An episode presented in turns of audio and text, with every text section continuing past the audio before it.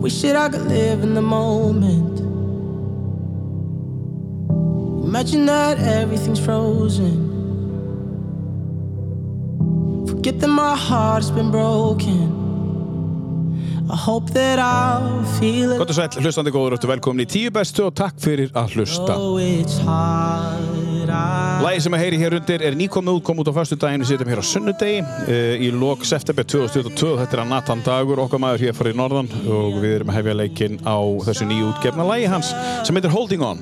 Þetta er ekki á listanum hans uh, sem er hjá mér í dag, uh, viðmannandar mínum, Ólafi, en við styðjum ungt upprennandi tónlistafólk að sjálfsögðu á svæðinu og víðar. Skoraðu að hlusta á þetta fína lag. Þetta rennur hér tísar í gegn með að við erum að tala í byrjun. Uh, við sendum út frá psa.is eða podcast studio Akureyrar heitir það víst. Og uh, hér getur þú bara mætt einfallega haft samband til dæmis við mig sendt mér post á áskirat.psa.is og uh, ef þú ert með einhverja hugmynd að podcasti þá getur þú komið hingað og tekið upp allt upp í já, 6, 7, 8 þætti. Og uh, þá kostar það ekki neitt. Og þú far alla þjálfun ókipis og gefins. Þannig að við erum að reyna að búa til podcastara og við erum með stúdjó og síðan er snýst þetta bara um kostendur hvort að við náum þeim og ef þú nennir þessu, það er nú bara þannig. Þú getur stíðið til liða hvernig þú vilt en ég get að lofa þér í að þetta er það skemmtilegt að þú gerir það ekki. Þú getur komið þína hugmynd, þú getur líka haft samband við okkur. Og við erum með nokkrar þættir sem við þurfum að koma í lottið allskins þættir sem við erum að fara að búa til okkur. Og vantar bara stjórnöndur áskiratpsa.is Svo vil ég þakka kostendunum fyrir. Uh, Röp 23 er búin að vera með okkur eiginlega frá byrjun. Og viljum þakka kella fyrir uh, það og það þraust þeir eru að sjálfsögðu með fjóra staði hér á Akureyri Bautan, Röp Pizzusmiðuna og Sushi Corner. Og það er hátægiskorti sem við ætlum að tala um sem að gildir á alla staði. Og ja, bara gott að borða á öllum stöðum. Sem maður gaman að segja frá því líka að Röp verður með súsíð í krónunni sem opnar hér í haust á Akureyri sem er mjög góðar uh, uh, fréttir. Takk fyrir kostinu á 10 bestu Röp 23. Uh, Norður Akureyri er líka þetta stöð, eða stöð var hér á Akureyri sem gott er að æfa í og þar fæ maður þjónustu sem maður borgar fyrir og uh, þú ert ekkert að borga neitt mikið fyrir það. Uh, ég hef aldrei borgað ég að blíti fyrir að vera í engaþjálfun og fengið uh, skrifað upp prógram hjá mér eins og ég geri þar.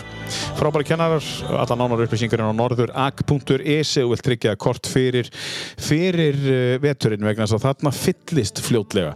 Það er nú bara þannig. Um, norðurak.is, norður Akureyri, norður líkastastöð, takk fyrir að kosta uh, tíu bestu.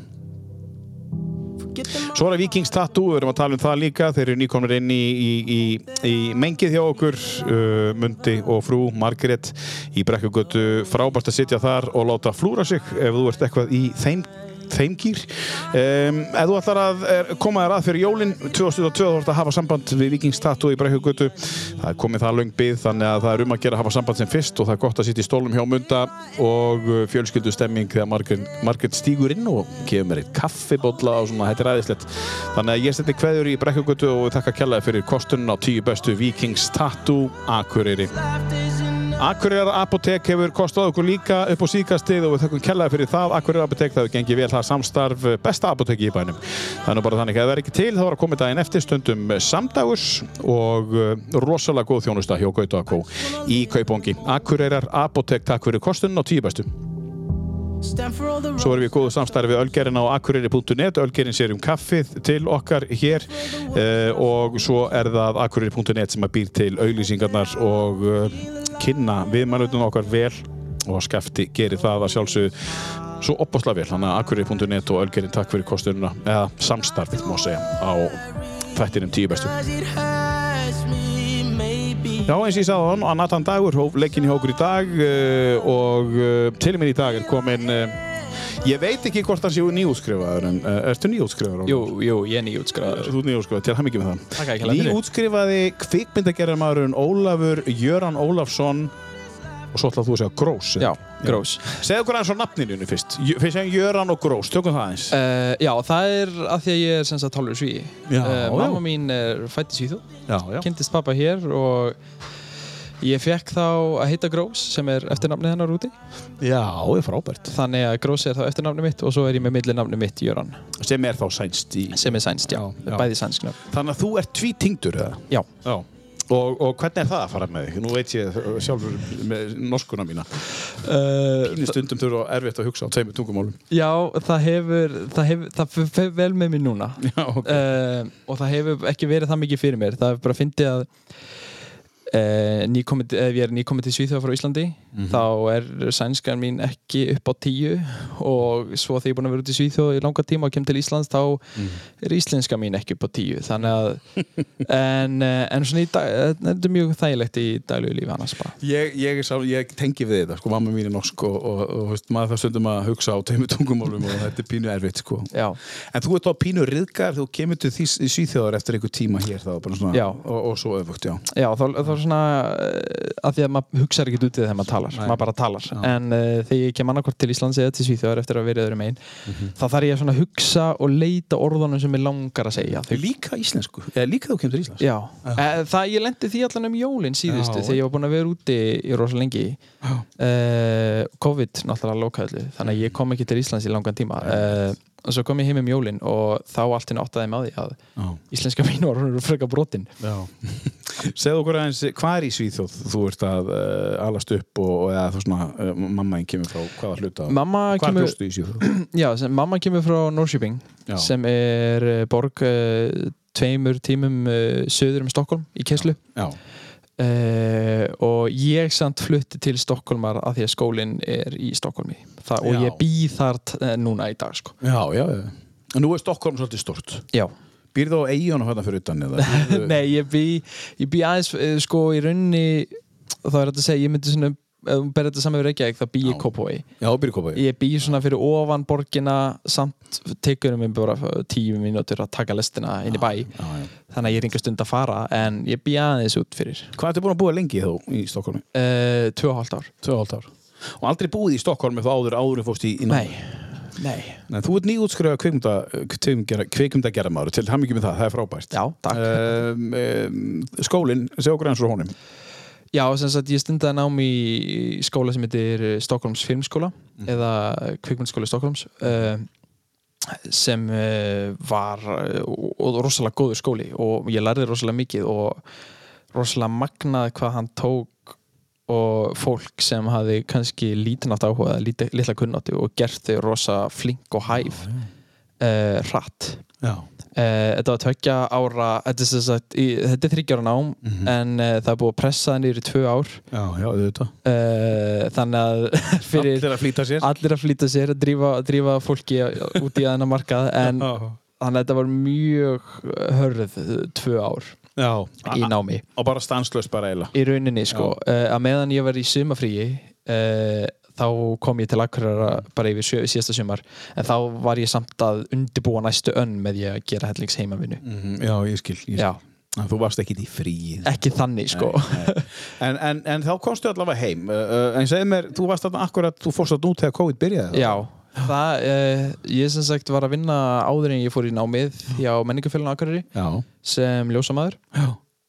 svo kom COVID Já. uh, og þá hættu alla leiksýningar og allt svona allir viðbyrjir þannig að það lokaði bara húsið Og þú bara mistir vinnuna. er, Nei, ég misti ekki vinn nei. uh, Nei, ég misti ekki vinnuna en uh, það var ekkert fyrir okkur að gera. Nei, uh, þannig að yfirmaður minn bara farðu heim og ég eitthvað, hvenær kemur þið tilbaka?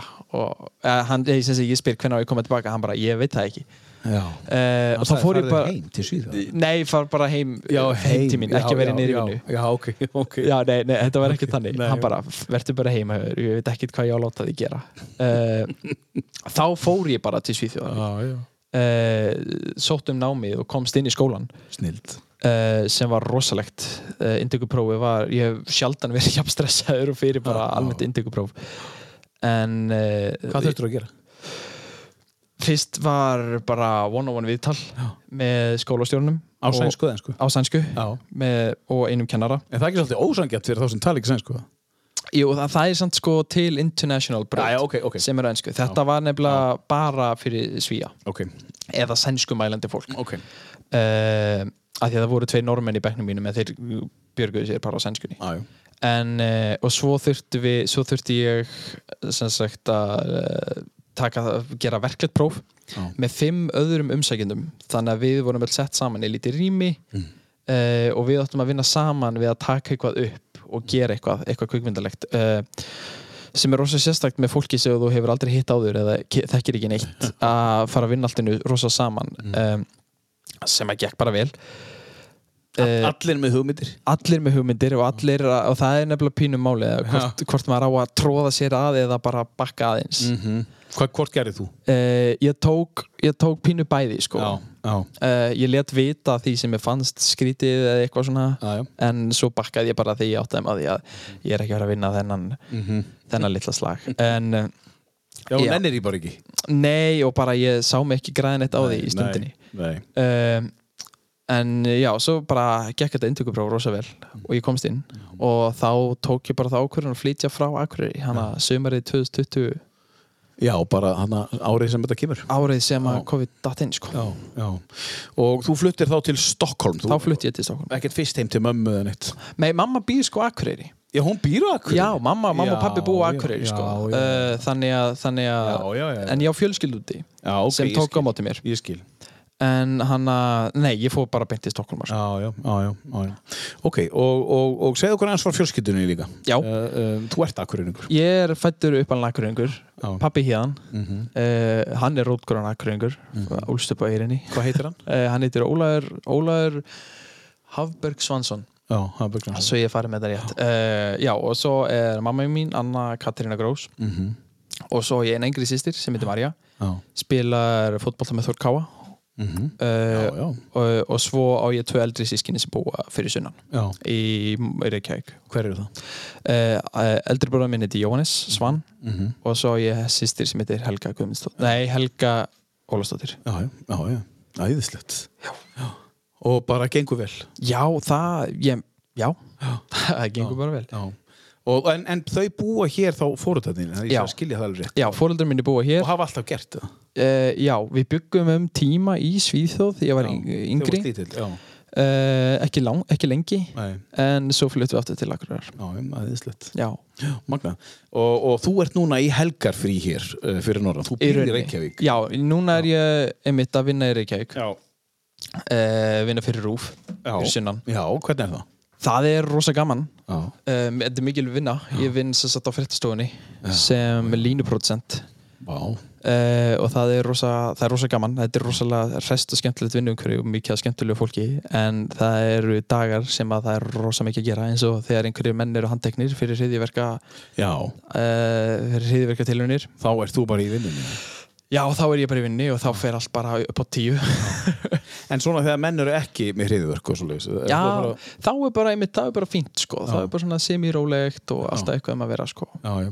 Og svona fjör, þú ert í svona dagvinnu þá, eða ert á vaktavinnu? ég er á vaktavinnu Á vaktavinnu, já. já, ég er á 12, sem sagt, 12 tíma vaktavinnu Já, já, já. já. svona kokkavaktir Já, kokkavaktir, já. Já, já. tveir, tveir, þrýr. Og hvenær fórst að vinna fyrir rút? Bara, ég fór sem sagt ég byrjaði að vinna hérna fyrir Norðan fyrir Rúfa Norrlandi uh, sem tökumadur og klippari. Mm -hmm. uh, og það gerði ég mitt síðasta sumar eh, sumarið 2021 Mhm. uh, þegar skólinn var búinn og kom ég bara beint til Akureyrar, fór að vinna og svo beint út í skólan Já, og, þannig að ég var að vinna hér. Uh, og svo ég og svo var ég að vinna líka þetta sumar mm fyrir Norðan. -hmm. Uh, og það var bara hringt í mig þegar ég var að klára samningbín hérna fyrir Norðan bara, heyrður, verður til að koma söður Mhm. og vinna fyrir sunnan og ég bara uh, já, áhver ekki Þú segir ekki nei við rúf. nei, eh, og, sko, nei, stóra rúf. nei nei, en hann að ég sagði, já, nei, ég sagði já og Ert á kreditlistarum alltaf á hverjum? Já. Já, þú ert þar, já. já, það stendur stendur tæknistjóri Tæknistjóri, já. Já. uh, minni mig í frétt, þegar fréttin er búin Já, já, já, já. Og hvað ertu þá að gera? Þú stjórnar lín, eða sko, útskýra hans hvað þú ert að gera? já, uh, sem sagt, ég vinn sem já, titillin minn þá, eh, ég er með tvo titla Já. það er annars vegar tæknistjóri eða línupródusent Mm -hmm. uh, í Studio D í Reykjavík Já. sem sagt, Studio D er þá fréttastúdióið Mhm. það sem er kastljós, veðrið, krakkafréttir og íþróttafréttir og bara allt fréttefni tekið upp Mhm.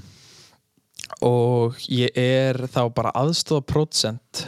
Það er, það er prótsent sem er að keira út og stýri fréttatímanum. Mhm. eh, og ég er unni bara hægri höndin hans aðsteðan við að keira út fréttatíman þannig að ég sit hann inn í þessu kallum myndstjórn þessu Já, litla herbyggi með 80 skjái fyrir Já, fram þetta mig er svoleiðis segir hann klippa, klippa, klippa er, er Já, þannig? það, e, það þarf ekki gera það því þetta Nei. er sko fyrsta og eina í augnablikinu sjálf kyrslu stúdíóið með svona róbótum já, og dæmi já, já, já, já. þannig að við þurfum í rauninni bara ít og gó á kjúlista Mhm. sem er búið að búa til já. mitt verk er þá bara að sjá til að allt virki En, en, en ef ég er í viðtala á rúf á Já. kastljósi og maður sér að kameran svona flakkar á milli. Uh, og það er líklega eitthvað sem þið eru að stjórna. Já þá er einmitt bara er það bara hljóðið þá sko. Sk- skiptist þá bara, hve- hvernig stýrist Nei, þá þá, kameran? þá, þá, þá, þá er klift. Þá þarfst að klippa Já, þá þarf að klippa. Já, eh, En annars er kamerunum bara stýrt með svona já. eh, afsækið slettina, joystick. Já, já, já, þeim bara stýrt með svona reyfipinna og úr, úr tölvu. Já, ég skil. Magna. Það er þetta eitthvað sem þú lærið þér út eða? Nei, þetta er eitthvað sem ég fekk ekki að læra. En frábært, þá ertu bara að taka þetta núna. Já, ég bara einmitt fór í starfsþjálfun sko, fyrstu þrjár vikunar Já. Og svo fór bara að vinna þegar það var búið. En hvað, nú ertu kveimdagera maður og, og það hlýtur að vera fyrir ungan mann sem að það hlýtur að vera draumur að vera með þetta á baku sig og, og, og með sprautur í öllum bara, bara að segja. Já. hvað langar það að gera? uh, Uh, Ég fekk að því ég var í skólanum uh, þá skrifaði ég uh, ógjörslega mikið reyndar handritum en ég skrifaði stuttmynd sem ég fekk svo að leikstýra. Já, og svo fekk ég að leikstýra stuttmynd sem ég skrifaði ekki. Já. þannig ég er búin að leikstýra tveim stuttmyndum. Í Svíþjóð, sænskar stuttmyndir? og þetta var ógjörslega gaman Er þetta sjá þetta á netinu, er þetta til einhverstaðar? Nei, uh, þetta, er til, þetta er til í safninu mínu Já, já, sjálfsög Já, þetta er geimt, en þetta er ekki á netinu Er, ekki, er þið ekki, þið artistanir, þið sem eru, er þið ekki að geima allt og mikið? Verðið þið ekki að setja þetta meira bara Jú, public? jú Þið er að það, er, fela þetta mikið? það er það er stórt vandamál. Það er alveg rétt, uh, við erum að, við erum að horta við erum að geima þetta Mhm. allt Ætt, Við ættum að vera að gefa þetta frá okkur Bara heimasíðu og allt sem ég hef gert. Já, ég, uh, já, ég er að reyna að vinna heimasíðu. Hann, uh, hann, hann hérna vinnuðin, hann Haukur Sindri Já, að Haukur. Sindri. Hann er að gera þetta. Hann er, já, hann er með heimasíðu og hann er mitt sparkaði pínu rassinn og mér sagði bara, ertu ekki með heimasíðu það sem ert með allt sem þú ert búin að gera? Og ég eitthvað, nei og hann bara, af hverju ekki Mhm, Já, og það kom engin góður auka móti af hverju ég var ekki að gera það einmitt þannig að ég er að vinni, ég er bara búin að vera alltaf latur í því Já, já, menn þú verður líka að hafa tíma eða já, Já, já. Þegar þú kemur norður eins og núna Mm. eh, og þú ætla búið að vera virkilega leiðilegt verið um helgina akkurat núna búið að vera flóð út um allt og, og tréa ripnu upp með rótum Er þetta bara inni á chilla og hafa næs eða hvernig er það þú kemur norður? Ertu bara í slökun hjá mömmu og pappa? já, í rauninni er ég bara í slökun já. um, Kemur oft? Mm, ég er búin að koma núna tvisvar frá því ég fór söður í ágúst. Já, uh, það er að fara að minga held ég að ég hef komið norður. Fyrst kom ég til að fara í göngur já, já. fyrir, fyrir félag og það var ógeðslega gaman. Uh, og svo kom ég núna bara í mitt fyrir slökun uh, þannig að en annars er ég með því að vera mest bara fyrir sunnan sko. já, já, já. en að, það er rosa þægilegt að komast yngað og geti mitt bara slagað á. Og ég finna bara strax ég kem heim til mig og pappa eh, bara lyktin Já, tekur mig bara og Gýra mig niður. slakar á. Já, já, það er nú bara þannig. Um, Ertu flýgur, er notaru flugleðin eða kerur? uh, ég flýg. Þú flýgur, já. Uh, ég er nefnilega ekki með bíl. Þú ert ekki með bíl. Nei, uh, hjól allt í Reykjavík ógislega gaman. Já, já, frábært. En flýg þá á milli. Já, já. Og hvað ert að hjóla langt? ég, ég, það er mismunandi sko, í hvað gýr ég er. Já, Býrðu Eh, nálægt eða? ég bý, já, ég bý ekki langt frá. Ég bý, fyrir, ég bý frá skeifuna sko. Já, já, þannig að það er tiltrúin nálægt. Uh, en ég samt sko tek ekki rauðustu eða beinustu leiðina heim sko. Nei. Það er bara mjög þægilegt að því að ég byrja ekki að vinna rosa snemma, ég byrja að vinna hálf 11 mm -hmm. að bara byrja daginn og hjóla einhvern smá spöl. Mm og svo er ég búin rosa seint að því að ég er ekki búin fyrir en tíu fréttin er búnar Já, já, já. Þannig ég er búin hálf 11 á kvöldin. En þá er maður svo upp tjúnaður og uppgýraður eftir þann dag að þá hjóla ég oft bara eitthvað til að slaka mig niður og hlusta tónlist. Þannig að vaktin þín á rúf er þannig og hjá flestum sem er að gera það sama og þú þau byrja það hálfvellu og eru þá þangið til að tíu fréttunar eru búnar á þáttufarni. Það er vinnudagurinn. Líka um helgar. Uh, já. Nefn á sundum. Er sem sagt, uh, Eru tíu fréttur á sundum? það, er, nei, Nei. Tíu, það er ekki tíu sunnudag. Nei, einmitt. Þá erum við búin fyrr. Já en þá byrjum við líka aðeins fyrr Eru þau þá, Ólafur, eru þau þá bara býða eftir tíu og eru þau bara svo, Nei. ég oft veldur þessu fyrir mér þegar ég sé boga hann á glöðan tíu bara, er hann bara að hanga þetta upp frá? Já, Bói er að hanga Já, þarna. já, Ég er já. ekki að hanga nei, neitt nei, hann er bara að hanga og drekka kaffi og Já, já, og spjalla við við og liðið gera og grín svona, sko. og gera grín, Eh, Nei, ég er ekki að hanga neitt Nei, það, Nóg að gera. Það er alltaf nóg að gera já, já Og þetta er skemmtilegt Já, uh, þetta er, þetta er rosa skemmtilegt. Já, uh, Inn á milli er þetta ekkit nei, ekkit alltaf gaman. Nei, nei. uh, að því að fréttin er ekkit alltaf jákvæðar og skemmtilegar. Uh, en, en annars er, hef ég rosa gaman af visual arts. Já, já. Sem er þá hvað, sjónræn list Mhm. ef ég þýða um, og ég er rosa gaman að því og mér finnst það rosa skemmtilegt. Mm. þannig að búa til sjónvarp er rosa gaman. Já, einmitt. Það sem þú lærir. Já, í rauninni. Hlustaður og fréttir áður en áður en þú fórst að vinna á frétstofu uh, sk skringilega, já, pínu. Já, pínu. Að því því ég flutti til Svíþjóðar þá urðu fréttina pínu svona heima Já, tilfinning já, Eh, já, að koma, sagt, koma heim til mín í íbúðin mína Mhm. og kveikja fréttatímanum ég var kannski ekki alltaf að horfa á hann Nei, nei. en hann var í bakgrunn og það var, rosa, Já. það var bara kósi Já, já, já, já. Ok, aðeinslegt. Uh, hvernig bjóstu í, í Stokkólm svona áður við, áður förum að, áður að spila lag? Me, me, bjóstu einn eða? já, ég bjó einn Já, ég legði fyrst Já. íbúð bara downtown já, uh, bara í miðji Stokkólm já. uh, og þetta var, ég bjó bara í skáp í rauninni, þetta var Pínlítið. Þetta var pínlítið íbúð, stúdíóíbúð uh, ég, ef ég, ég var með svona lítið ég ætla- get nú ekki kalla þetta eldús en eldús aðstöðu Já. ég gæti ekki snúið mig við þar inni, ég þurfti svona lappinn og bakka út Þú varst með vask. ég var með vask og svo er ég með lítinn bekk Já. með einni hellu á þannig að ég bjó rosa lítið en það var samt rosa þægilegt Var það ekki? jú en svo er náttúrulega líka rosalega dýrt að búa í Central Stockholm Var þetta ekki bara nóg fyrir þig? jú, Í rauninni þú hugsaður út í það. Þetta var jú alveg þetta nóg. var alveg nóg Já, að því að ég, ef, jú, að því að ég var mest í skólanum já, akkurat. eh, eða svo bara kom ég heim til að sofa eða ég var með, með stort skrifborð og það var, plás, það var pláss fyrir það Ummitt. þannig að þá var ég rauninni með allt sem ég þurfti Já, sko. já, akkurat. Já. nú bara þannig. Herru, þú fyrst verkefni eh, eins og allir fá, uh, Ólafur, að að koma með, var þetta vandamál að koma að finna þessi tíu lög? Hvernig, Nei, þetta var ekki erfitt? nei, Nei. þetta var ekki erfitt eh, það voru, það voru tvö lögin á þessu lista sem ég þurfti að skipta út Mm eh, þetta er bara blanda af lögum sem að ég uh, upphaldsljónum mínum Áttur eitt uppáhalslag? Já, Já. já. ekki eitt uppáhaldslag Nei. en ég á svona kannski tvö, þrjú sem Já. eru alveg uppáhalds uh, sem ég get alltaf hlustað á í sama hvaða stemmingu og það kemur Ok. alltaf í gott skap Spennandi. og en þannig að En nei, þetta var bara, þetta er blandað þeim lögum uh, og svo bara lögum sem ég er að hlusta á í dag og Mm. lögum sem ég þykja væntum á ólíkum aðstæðum. Mm Á hverju viltu byrja? Uh, við byrjum bara efst. Byrja bara eftir þetta. Já, við byrjum bara og, svo getum við bara tekið hann réttur. Vinnuðinn hérna Kanye West Yes, Sæði þetta rétt? Kanye West Kanye West. Kanye West Er hann ekki Yee West Jú. núna? Í- Heitir það það núna? Nei, var hann, já, var hann ekki að breyta Nei, hann? þeir eru alltaf að breyta nöfn Þetta er svo flókið Ég veit ekkert hvað hann kall, en hann stendur á Spotify allan að Kanye West, þannig að við keirum á það. Þegar ég var yngri þá vinnur hann sinna uh, Sean Combs, P. Diddy. Uh, Big, ja, ég man ekki, hann, hann var með ykkur fjögur fimm nöfn sko. Mm. Prins gerði þetta líka hann, hann breytti endalustu nöfn sko. þetta, þetta er alltaf flókið sko. En þetta lag heitir hvað? Through the Wire Through the Wire. Ok, The College Dropout heitir, uh, hann er nú það öruglega Já. Svona, uh, hann, platan heitir það Við skulum heyra uh, brot úr þessu fínalegi Through the Wire, Kanye eða Ye, Ye West. Telling her son's on life support And just imagine how my girl feel. On the plane scared as hell that a guy looked like Emmett Till She was with me before the deal. She been trying to be mine. She a Delta so she been throwing that dynasty sign. No use me trying to be lying. I've been trying to be signed. Trying to be a millionaire. How I used two lifelines. In the same hospital with Biggie Smalls died. The doctor said I had blood clots But I ain't Jamaican man. Story on MTV And I ain't trying to make a band. I swear this right here History in the making man. I really apologize to everyone right now. If, if it's unclear at all, man. They got my mouth wired shut for like, I don't know, the doctor said like six weeks. You know, we had reconstruct, I had reconstructive surgery on my jaw. I looked in the mirror, half of my jaw was in the back of my mouth, man. I couldn't believe it. But I'm still here for y'all right now, man. This is what I got to say right here, though. Yeah. Turn me up, yeah.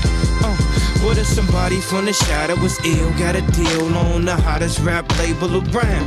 But he wasn't talking about coke and birds, it was more like spoken word. Except he's really putting it down. And he explained the story about how blacks came from glory and what we need to do in the game. Good dude, bad night, right place, wrong time, in the blink of an eye. His whole life changed. If you could feel how my face felt, you would know how Mace felt. Thank God I ain't too cool for the safe belt. I swear to God, driver two wanna sue. I got a lawyer for the case to keep us in my safe. Safe, my dogs couldn't tell if I I look like Tom Cruise on Vanilla Sky. It was televised. It's been an accident like Geico. Thank God I was burned up like Pepsi did Michael. I must got an angel, cause look how death missed his ass. Unbreakable, what you thought they call me Mr. Glass? Look back on my life like the ghost of Christmas past. Toys R Us where I used to spend that Christmas cash. And I still won't grow up, I'm a grown ass kid. Swear I should be locked up for stupid that I did, but I'm a champion. So I turn tragedy to triumph. Make music that's fire, spit my soul through the wire. You know what I'm saying? When the doctor told me I had a um, I was gonna have to have a plate in my chin. I said, dog, don't you realize I'll never make it on a plane now? It's bad enough I got all this jewelry on. She can't be serious, man. Kanye West, uh, Through the Wire, fyrsta lagið af listanum hans Ólafs Jöran sem situr hérna hjá mér uh, Jöran uh, Er þið ekki rétt hjá mér? Jú. Já, já. Ég myndi allan að samþykja hérna, hvað rólstu upp í bænum? Hvar, veist, hvað er hverfið ykkar og eða þitt, eða ertu búin að vera að flakka eitthvað? Nei, ég er þorpari Þú ert þorpari, já. uh, Já, ég er bara þorpari og hef alltaf verið Já, já. Og mun alltaf vera Nei, þannig að Alveg brjálaður. alveg brjálæður, ég er þórsari og ég káa minnur aumingjar Nei, en þannig að Nei, en ég fætt, ég sem sagt uh, bí, fann, bjó og ólst upp í Fannagili Já, og fór í Giljaskóla já, uh, og ég bara hef alltaf verið í þorpinu já, já. En ertu svona mikill þossarið?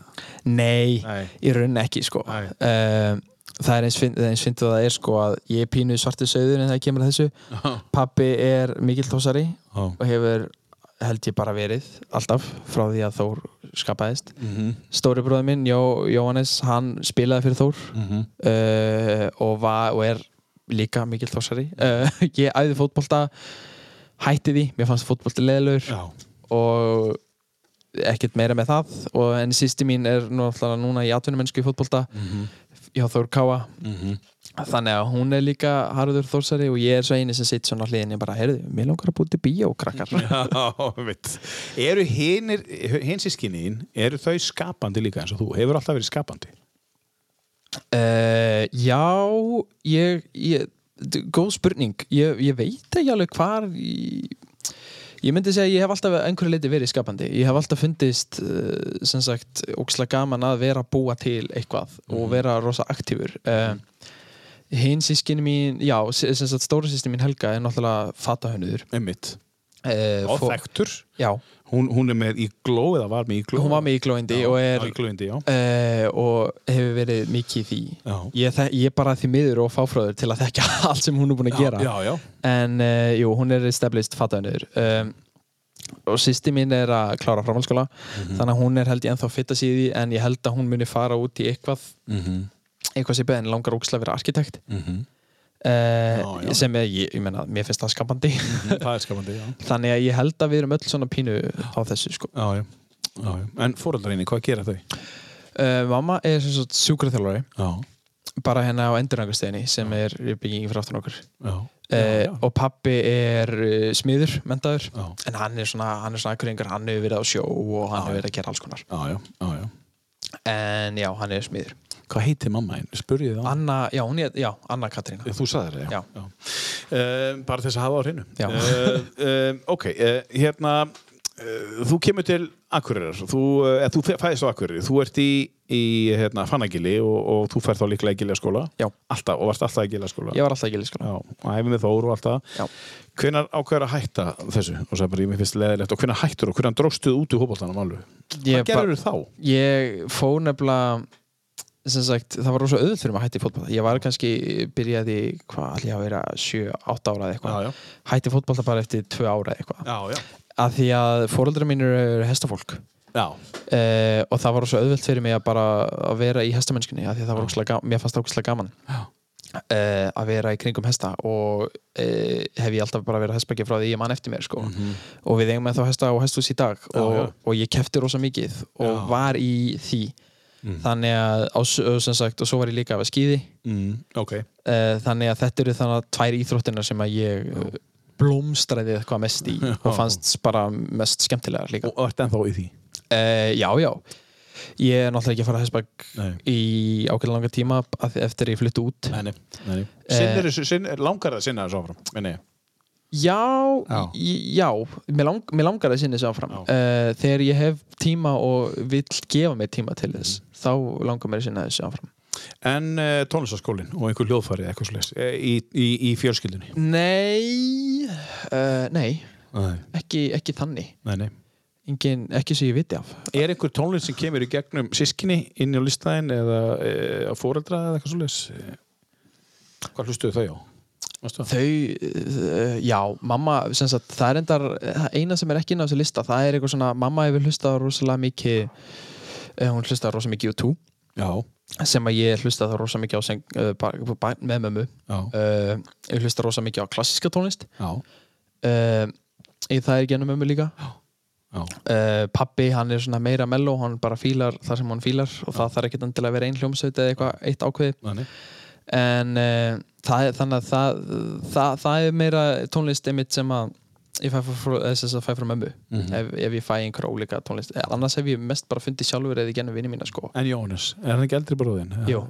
Kemur ekki það hann? Nei, Mást ekki að stela diskonum hans í gamla dag? Nei, hann er nefnilega svo mikið eldri en ég sko, Já, ok. að, að, að hann, hann var, sagt, við byggum aldrei þannig sér saman sko. Nei, nei, ok, hann slapp við Já, þetta. hann slappið þetta Það var allir, allir sem eru eldri skilja þetta Það eru yngri sem skilja búin að merkja diskin Ég og þennan allt í hennu var bara Hvað er allir diskandi mínu?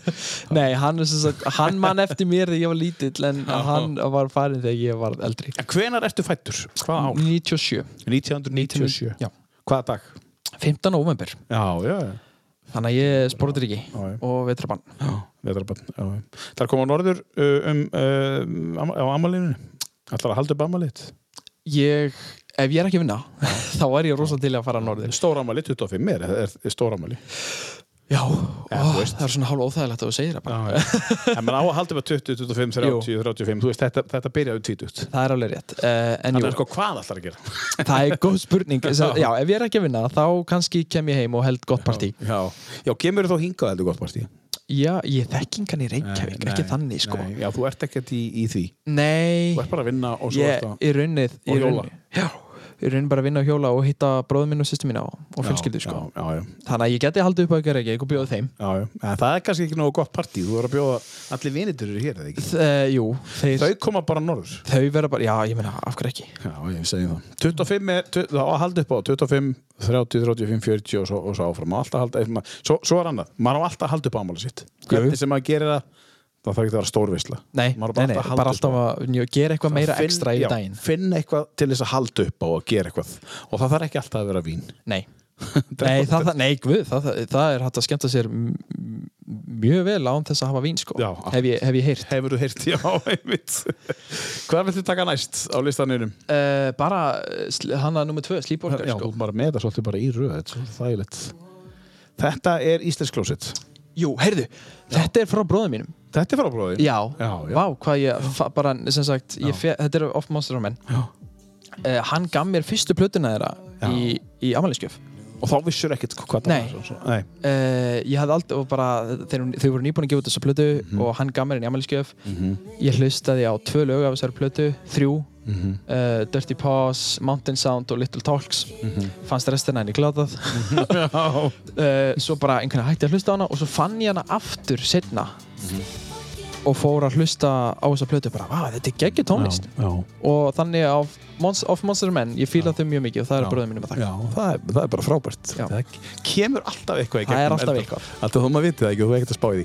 Herru, þetta lag heitir Sleepwalker, þetta er Of Monsters and Men af plötunni Fever Dream, alltaf þetta sé ekki árið sé ekki Nei, þetta, þetta er nefnilega Fever Dream með nýjasta plan Nú er þetta nýjasta platan? Já. Já, ok, ok, ég skil. Já, þetta er, já, þetta er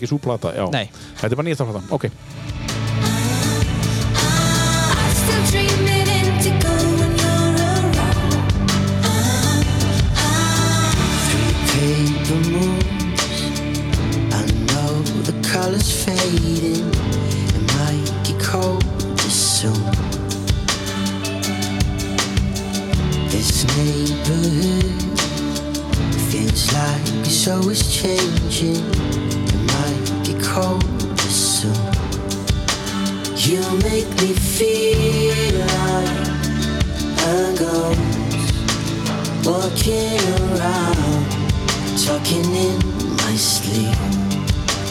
You make me feel like I'm lost up in the clouds, talking in my sleep.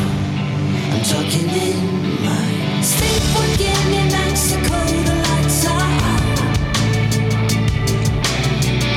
treatment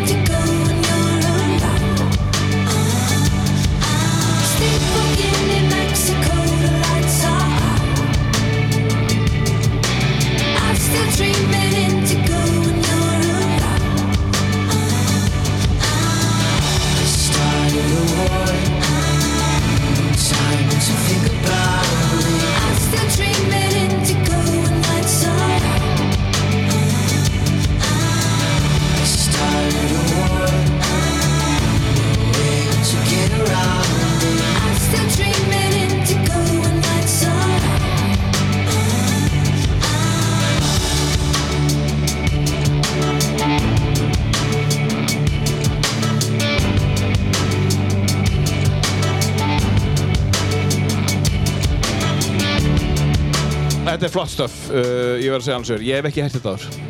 Nei, Fever Dream, geggjur plata Já. Fever Dream, maður þarf, maður þarf að rúla þessari. Fever Dream með, með Off and Off þessum menn. Það eru mjög, bara þetta er orðið eitt af uppáhaldslegunum mínum með þeim Já. uh, og er einmitt af plötinu kom 2019 2019. uh, og er bara mjög, mikið góð skemmtilegum með hana og þau hafa þroskast alveg rosalega frá því að þau gáðu út fyrstu tónlist. smá sko. Þetta er mjög flott stöf. Eins og til dæmis við, það kemur í, kannski ekkert við en maður heyrir mun á plöturum á milli hérna hljómsveit sem heitir Vögg mm. hvað þau verður alltaf þéttar og þéttar og þéttar Já. og þéttar og flottar og svona maður finnur alveg bara það er svo gaman að finna þetta og að heyra þetta Já, skilur. og geta það verið með í þróun Já, geta verið með í þróunni. Herðu, um, uh, þegar að giljaskóli klárast, Já, um, hvað gerist þá? Býrðu áfram í Fannagilli og ferði í Vaffima eða Emma eða? ég bý áfram í fannagilni, ég fer í Já. Emma Já. uh, fer og er eitt ár í Emma Já. Fannst Emma ótrúlega leðilegt þannig að ég skipti yfir í ég kláraði vorunna og fór svo í Vaffima Já, þú, þú bara, þú, þú kláraðir eitt ár. ég kláraði eitt ár uh, og fór svo í Vaffima Bara út af að þetta var leiðinlegt. Það Nei, ég bara, ég, mér, ég bara mér leiði ekki vel í skólanum sko Nei. um, Nei, nei, ok. ég einhvern veginn ég, ég er rosalega rand uh, hef farið gennum tíðina að það er ákveðin bara mótel af Emma-ingum sem passi inn í Emma og ef þú passar ekki þar inn þá ferðu bara eitthvað annað Já. og ég var ekki hluta af þessu móteli nei en þannig að ég bara, ég kunni betur við mér já. Já, ok. ég varður rosa, ég fór í Emma uh, sendi náminu ágjörlega uh, leiði samt bara rosa illa Já, í skólanum bara. já, bara svona, já, bæði í skólanum og bara almennt held ég uh, var eitthvað, var rosa þunglindur á þessum tíma Ok. og Emma var alls ekki að hjálpa mér Nei. uh, svo ég breytti bara til Já. fór í Vafma og leið miklu betur Já. En veistu af hverju? Hver munurinn er? Svona, ef þú spáir aðeins í? Ég... nei, kannski hefði ekki skipt máli í hvað skóla ég var sko. Nei, bara þú þurftir einhverja breytingu. kannski var það, já, og kannski bara mitt, ég breytti skóla ákvað bara, nú er þetta ný Já. útgáð mér og ég Já. ætla að vinna í, meira í sjálfum mér uh, Mögulega, mögulega ef þú hefði byrjað í Vaffima og farið hinalegin og þá hefði Emma verið frábárskólu í Vaffima. mögulega, sko Maður veit það ekki. nei, nei, maður veit það ekki Nei. en hann að en uh, þannig að, já, svo fór ég Já, já. tók, uh, var, á já. Var á náttúrufærbreytt í Vafma uh, var samt mjög aktífur í félagslífinu þar. Var, var á formaði nefndafélagsins Mhm. og svo formaður nefndafélagsins Mm uh, og var, þetta var rosalega vittlist ég ætla ekki að fara að útskýra eitthvað hvernig einingakerfið var fyrir að virka á þessum tíma en ég var að sapna á mig fullt af einingum fyrir fyrir allt félagslífið sem ég var að taka þátt í. Uh, fyrir að þannig, demma það. nei, nei, nei. Það, bara, það þarf að halda ás á tíðuleiksýningar og svona. Já, já, já. uh, En þú lærir hellinga á þessu. já, vá, ég lært Ég meina, svo hvað mikið heldur á þú þessu. getur tekið þetta með þér inn í kvikmyndabransan? Þú, þú lærir fullt í Ég- skipulagningu og... Já, bara ég held að, að þetta, er, þetta er svolítið áhugaður umræða að, að því að samnefndum mínu í kvikmyndaskólanum í Stokkólmi þau hafa ekki þetta saman, Nei, það er ekki til nefndafélög uh, og, og ef það er einhver nefndafélög þá eru þau ekki stór og þau eru á Íslandi. Og ég bara hvet alla framhaldsskóla til að bara styðja við nefndafélögin sín af því þau gera helling uh, og þegar að uppi staði, þegar nefndunir eru búinir að taka þátt í nefndafélögunum á einhvern hátt uh, sem, hvort sem það er þú situr í stjórn nefndafélags eða stjórn leikfélags eða hvernig það er það gefur þér rosalega mik mikla góða reynslu Já. að, að, að halda ásatíð fyrir uh, he heilan skóla að halda leiksýningu og keira það í gegn það er þú bara Já, þetta er skóli sem þú færð ekki annars staðar sko. Um, hvenær ákvæmstu að vera kveimningera maður? ég ákvað það pínu í vaffuma sko. Um, það var kennariðar eða er kennariðar sem heitir Hilmar Fríhansson Mhm. uh, hann s- tók og ég, ég þekkti hans þess að tviri hann var búinn að vera aðstofa mig með starffræði hann er starffræðikennari hann tók og spurði hvort ég hefði ekki áhuga myndatöku og eitthvað svona og gaf mér í rauninni bara myndaðel og kynnti mér svo fyrir nefndum í skólanum sem voru að búa til alls konar uh, creative uh, stuff og ég hafði ógslag gaman að því að mynda og klippa og vera að búa til sko eitthvað þannig að þá sótt ég og þá ákvað ég að þetta er það sem ég langar að gera mér langar að búa til kvikmyndir sko Já. eða mér langar að búa til aftur einhverja sjónræna list sko Já, já. kvikmyndir var bara það sem heitlaði mér mest Mhm. uh, sóttum í kvikmyndskóla uh, The New York Film Academy Mhm. uh, sem er í bandaríkjunum. Rándýrskóli. Uh, það var sagt íslensku námsráðgjafðar sem ég komst í samband við. Mm. uh, við spjöldum mikið og hún bara vildi ekki bara koma út og þú þarft ekki að taka stúdentinn að því að mentakerfi í bandaríkjunum virkar ekki eins. Þannig að þú þarft ekki að klára vaffuma þú ert komið nóg nú þegar þú getur bara hætt í skólum og komið til bandaríkjuna ef þú vilt. Uh, og ég var að ræða þetta við fjölskyldum mínu mamma saði í rauninni bara pínu nei hún bara, ég vill bara að þú takir stúdentinn. Mhm. uh, og hún sagði svo ef þú vilt virkilega fara þá ferðu en ég mæli gegn í. Uh, og eftir á er ég svo þakkláttur fyrir að ég hlustaði sér áð Já, hverju? uh, að því ég held að það bara gerði helling fyrir mig uh, persónulega að vera eftir á Akureyri og klára stúdentinn og taka það ná- og bara klára það nám sko. Fyrir ekki að hætta því einhvern veginn og fara út sko. Já, já. Ég held að ég hefði ekki sint náminu mín úti jafnvel hefði ég farið. Já, ég skil. uh, þannig að ég kláraði stúdentinn í Vafuma Mm og fór svo að vinna hjá menningafélaginu Já. Uh, frábært. Uh, og, og, og náttúrulega fóreldrar vita yfirleitt alltaf betur. Mm.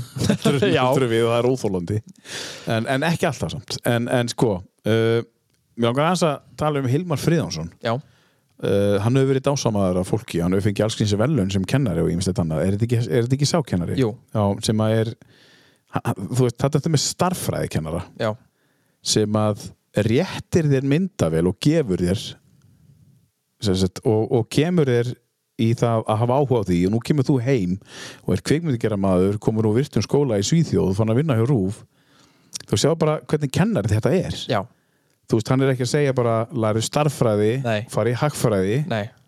Skilur mig? já, þetta er Ég er ekki að nefnilega segja hann eigi, ég, ég segi ekki að hann eigi það sem þú ert búin að gera, hann er bara en hann á, hann á allan að bara stóra þakki fyrir. Hann, le, hann leiðbeindi þér, skilur ro- og gaf og þekkti þig og, já, og hann bara gaf mér einhvern veginn uh, hann gaf mér einhvern veginn bara svona tækifærið að finna eitthvað nýtt í mér. Já. með því að ég mitt bara segja en að prófa þetta. Og augljóslega hlusta á þig. Já, þegar þú talaðir þannig að Hilmar er magnaður og hann að ég er ekki þessu eini sem hann hefur leiðbent svona. Uh, og þetta er allt fólk sem er að gera alls konar mismunandi hluti í dag. Já. og þetta er, hann er ekki alltaf að benda öllum að sömu, sömu sama hlutin sko. Nei, nei, nei. ég bara hugsa upp átt núna. Þetta er svona maður sem þarf að komast í stólinn þannig sem þú ert. Það er honum já, um að gera, hann hefur Alveg- mikið skemmtilegt að segja. Já, frábær, frábær kennari af því að maður hefur heyrt þetta sko oftar Mm. skilur við, hjá fólki, að er svo margir sem tala um þetta gæja bara, Já. og svo er hann búin að fóku velun og bara, hvaða gæja er þetta já, hvaða, bara- hvaða mystery man er þetta? Já, Mystery Man, ég er þetta þekki bróður hans Anders Óla, við vorum saman í skóla hérna, uh, ég og hann. Um, Þannig að þú ákvast þá að fara í kveipindagerð Mhm. og, uh, en eftir, eftir skólan fórst að vinna hjá MAG já, og þá sóttur þau bara um sem bara allskynsmaður ég sótti bara, nei, ég var ljós. bara svo ótrúlega heppinn að þau voru bara að leita að tæknumanni Já, þegar að það er sem sagt tæknumar hætti á þeim Mhm. og þau voru að leita að tæknumanni þegar ég var að klára skólan já, þannig að ég bara sótt um já.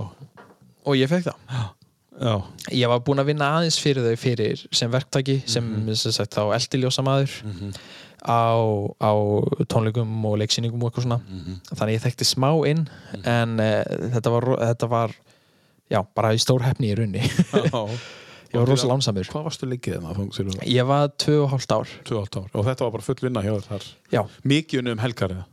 Nei, já, jú, að því að alla leiksýningar alltaf, er alltaf um helgar en Já. þetta var samt ekki allur dagurinn sko. Nei, en jú, það var mikið um helgar. En, en um, eh, hvað er það að gera þetta á virkundum? ég bara líka, undirbúa alla vikuna. Undirbúa alla ég vikuna. var bara alltaf vinnandi. Þú ert alltaf vinnandi bara, mikil vinna. Já. Ég, hef, ég hef verið rosalega í þessu að forna rosa mörgu bara fyrir vinnu. Já. uh, alltaf einhvern veginn. En þú hefur verið að vinna þá vinnu sem að þú hefur áhuga á? Já, það er nefnilega stóri, stóri munur sko, að Já. ég hef aldrei verið í vinnu sem ég liði illa í. Nei. Ég hef alltaf verið í vinnu sem er skemmtileg og mér, mér eru oftast hlakka til að fara í vinna uh, ég veit að dag, dag, dagurinn enda kannski ekki á því að vera alltaf jafn skemmtilegur Nei. en hann geti verið verri ef ég var að gera eitthvað annað. Já, já, þannig að ég nýt mín rosalega í því sem ég er að gera Meiri áttar og, og frábært að heyra. Og einu sinni leiðir illa í vinnu þá er ég Emma og þá hættur og fyrst er aðra vinnu Já. sem Já, og, í rauninni Þannig að uh, næst ætlum við að tala eins um uh, Stokkólm uh, Við hefum eftir að taka svolítið stóra umræðu með Stokkólm uh, Mhm. Ólafur, hvað er að taka næsta listan einum bara? bara við getum tekið bara, númer, bara Move On Up Moving, m- með Curtis Mayfield. Já, hérna, segðu mér nú aðeins frá þessu, þessu lagi Þetta lag- Eldgamalt lag. Já, það var sem sagt gestaleiksýning að koma inn í hóf frá þjóðleikusinu og þá var þetta lag í leiksýningunni í miðju atriðinu, uh, ég man ekki hvað sýningin hétt mm -hmm. uh, það var, var einleikur og hann, þetta var Guð minn alma, ég man ekki sem hvað leikarinn var Jó, hann, hann var í svona miðju og voru stólar í kring. Já, akkurat. Já, hann hérna uh, hann var svona greitt aftur dökkarur ægilega skemmtilegur og talaði bara um lífið og settist hjá fólki og talaði um lífið sitt og Talaði um lífið ég, sitt, ég sko. veit bara hann að Óla, Já. heitir hann ekki Ólar Ágúst leikari, eða leikstjóri? Já, verið sko sem að var með þessa sýningu, allan að þetta lag var í þeirri sýningu. Já, einmitt. Og síðan ég heyrði það þá hefur þetta bara verið eitt af uppáðslögunum mínum. Já, og bara ég hlusta rosalega ofta á þetta lag Mhm. uh, og ég mæli endrið með því að fólk hlusta á þetta lag og það er til sem sagt uh, extended version sem er lengur útgáð á þessu lagi Mhm. sem er rúmar 7 mínútur en Mhm. hlustið á það út, þetta er Mhm. geggjalag Mhm. Hér er uh, Curtis Mayfield Move On Up uh, og þetta er langa útgáðan Já, við þurfum svo sem ekki að taka hann alltaf and you cannot slip. Just move on up. For peace you find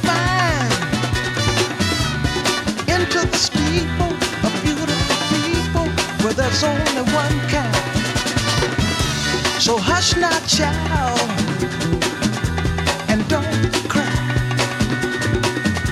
Your folks might understand you by and by. Move on up and keep on wishing. Remember your dream is your only scheme, so keep on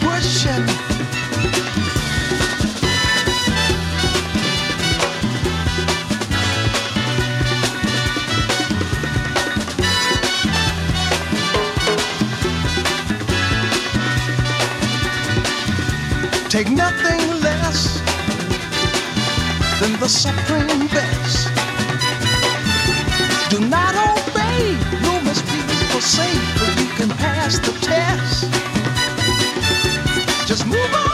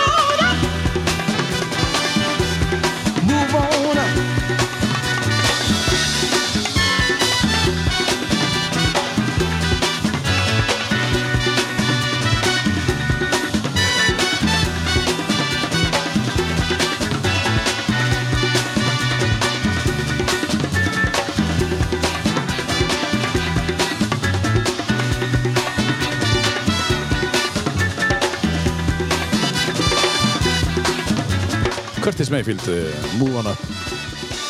Já, þetta er flott lag. Þetta er mjög gott lag. Þetta er aðeins lag. Já, uh, leikarinn heitir Valur Freyr. Valur Freyr, já, Já. akkurat. Valur Freyr og uh, hann heitir Ólafur Egil Egilson sem var leikstir í þessi síningu Einmitt, einmitt, einmitt, já, akkurat Já.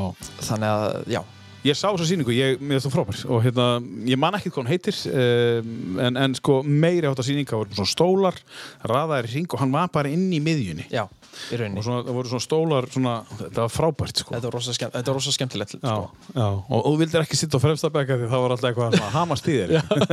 Jú, varst ekki látinni vera. Já, all- allavega, þetta var mjög gaman sko.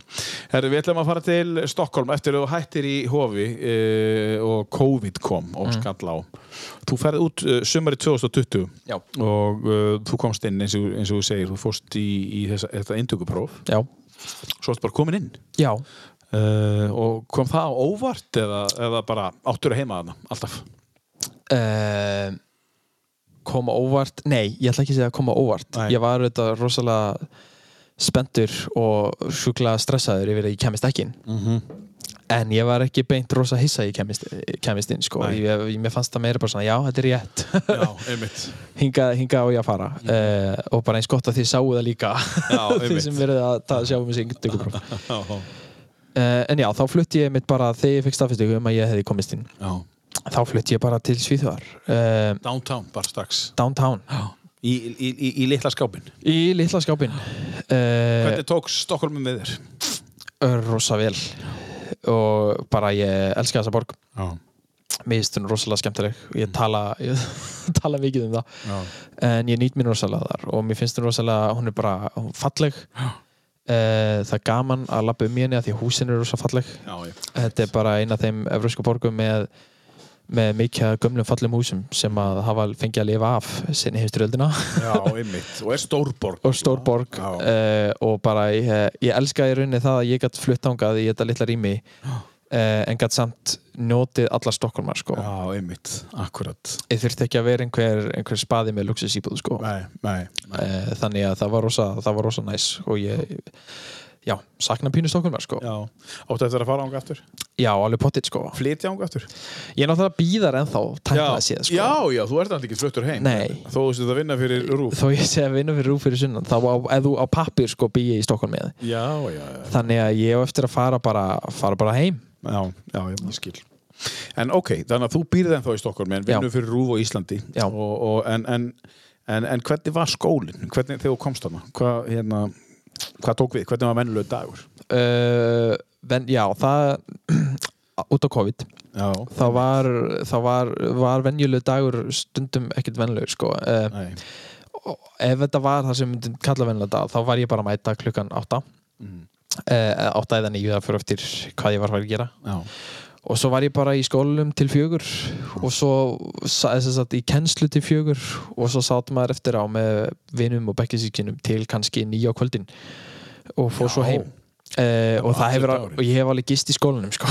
Já, það? já, það var nefnilega, við fengum eitt likla bara þannig að við gáttum komist inn hvena sem er á sólarregnum uh, og að þetta í guðmundskóli þá var fullt af klippiherbyggjum og það var sófi í hver einasta klippiherbyggi þannig að við vorum alveg, við erum nokkur sem höfum sofið í skólanum sko. Já, það er svoleiðis. eh, sem er, og skólinn runni bara, sagði bara, já, ég menna þið bara svo lengi sér í gangið um, vel um sko, þá megið þið gera það sér viljið Og það bara Íslendingar sem svo í skólanum.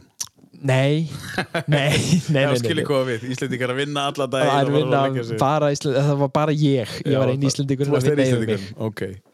nei, en þannig að nei, nei, þetta var, þetta var ekki alltaf bara að vinna sko. þetta var líka rosa gaman Já. við vorum hann að, við vorum hann að, að því að það er líka bíósal í skólanum Mhm. þá vorum við hann mikið að horfa bíó horfa þætti, horfa eitthvað Mhm. uh, ræða það uh, tókum bíókvöld þar sem við byrjuðum að ræða myndina og einhver hafði valið einhverja mynd og svo horfum við á hana og, Já, já. og svo unnum við, að því að við erum líka að skrifa rosa mikið þannig að þá unnum við saman í að skrifa langt frá kvöld uh, þannig að skólinn var rosa skemmtilegur þó hann var rosa mikið sko. Já. uh, það var bara líf mitt Já, í þessi tvö ár var þessi skóli og, en samt ókslega gaman og ég myndi gera þetta allt aftur sko. Já. Já, einmitt og jafn, jafn mikið Já, já. ef ekki meira Ef ekki meira. En, en hérna, hvernig horfur þú á bíómyndir í dag? Er hægt að fara með þér í bíó? Ertu svona óþólandi gæmur? uh, Þetta er ekki gaf. Þá horfur þú öðruvísi í alvörunni á Já. bíómyndir heldur en... Já, það er þú nefnilega það sem að sko einn kennari sagði í skólanum uh, Nú eru náttúrulega margir sem að fara í þetta nám. Þau eru pínu svona fyrir sko. Já. en hann sagði við erum að fara að skemma bíómyndir fyrir ykkur. Uh, og hann sagði bara, bara gott að þið vitið það. Og það er pínu þannig að, að, að ég get verið rosa innsokkin í bíó. Mhm. uh, og, e, sem sagt, og búin að sökka mér í söguna. Og svo allt í hennu brotnar upp að því að bara, nei, heyrðu, djöfull var þetta vel tekið. Já. eða váka lýsingin er vel gerð eða váka þetta var vel leikið eða eitthvað svona. Um. Og ég get talað um það og svo hinbóin get ég líka verið að horfa eitthvað uh, einhverja þætti eða eitthvað og bara, oh, ég get ekki horta á þetta þetta er er, þetta er hræðilegt uh, bara, þetta, er, þetta er bara ekki gott Nei. Það Þannig að- brýtur allt sem ég er búin að læra. já, í, rau, í Já. rauninni sko, Já. bara, þetta, þetta er ekki, ég myndi aldrei gera þetta svona Samt góði þættir í rauninni. í rauninni sko uh, en bara ekki ósættanlegt en þar á móti, þegar að kemur svo út góðmynd Já. uh, sem er rosa góð líka að sanga til svona bíómyndafræði standardum Mhm. þá er ótrúlega gaman að horfa á þannig myndir Já. og það er alveg til fullt af þannig myndum Já. Uh, þær eru ekki sjálfgjafar sko Nei. uh, þannig að það er líka rosa gaman þegar maður, er, þegar maður veit hvað það er ótrúlega mikil vinna falin í að búa til svona mynd Já. og þegar hún hefnast svona vel það er ótrúlega gaman sko Eh, Bíómyndir standardar, standardar eins og þú segir sko. Já. Þannig að er eitthvað þannig að marka þá þessar bíómyndir sem eru til, nefndar til Óskarsvöluna Marg- já, já, alveg margar þeirra sko Er það það sem þau verða að horfa á veist, Í rauninni. rýna í, veist, Já. eitthvað sem við vitum ekki já, sem að þið vitið alveg klárlega. Uh, og þú skilur alveg, já ég skil akkur þessi bíómynd er já, þó hún sé ekkert brjálaslega góð. Nei, og stundum sko, stundum ef maður skilur ekki Já. þá maður einhvern vin sem er jafn sokkin inn í þetta og maður getur rætt þetta af Og- fram og tilbaka pínu bara, ég, nú veit ég ekki hvort að maður gerir það en pínu að ræða, að ræða bara mál, málverk Já, já, einmitt að maður getur rætt af hverju hlutir eru vondir eða góðir og, Já, já, já, já. uh, það er til dæmis mynd sem að uh, Bohemia Rhapsody Mhm. myndin sem að fjalla um Queen Mhm. uh, hún vann Oscar fyrir eh, Best Editing besta klifta mynd Já.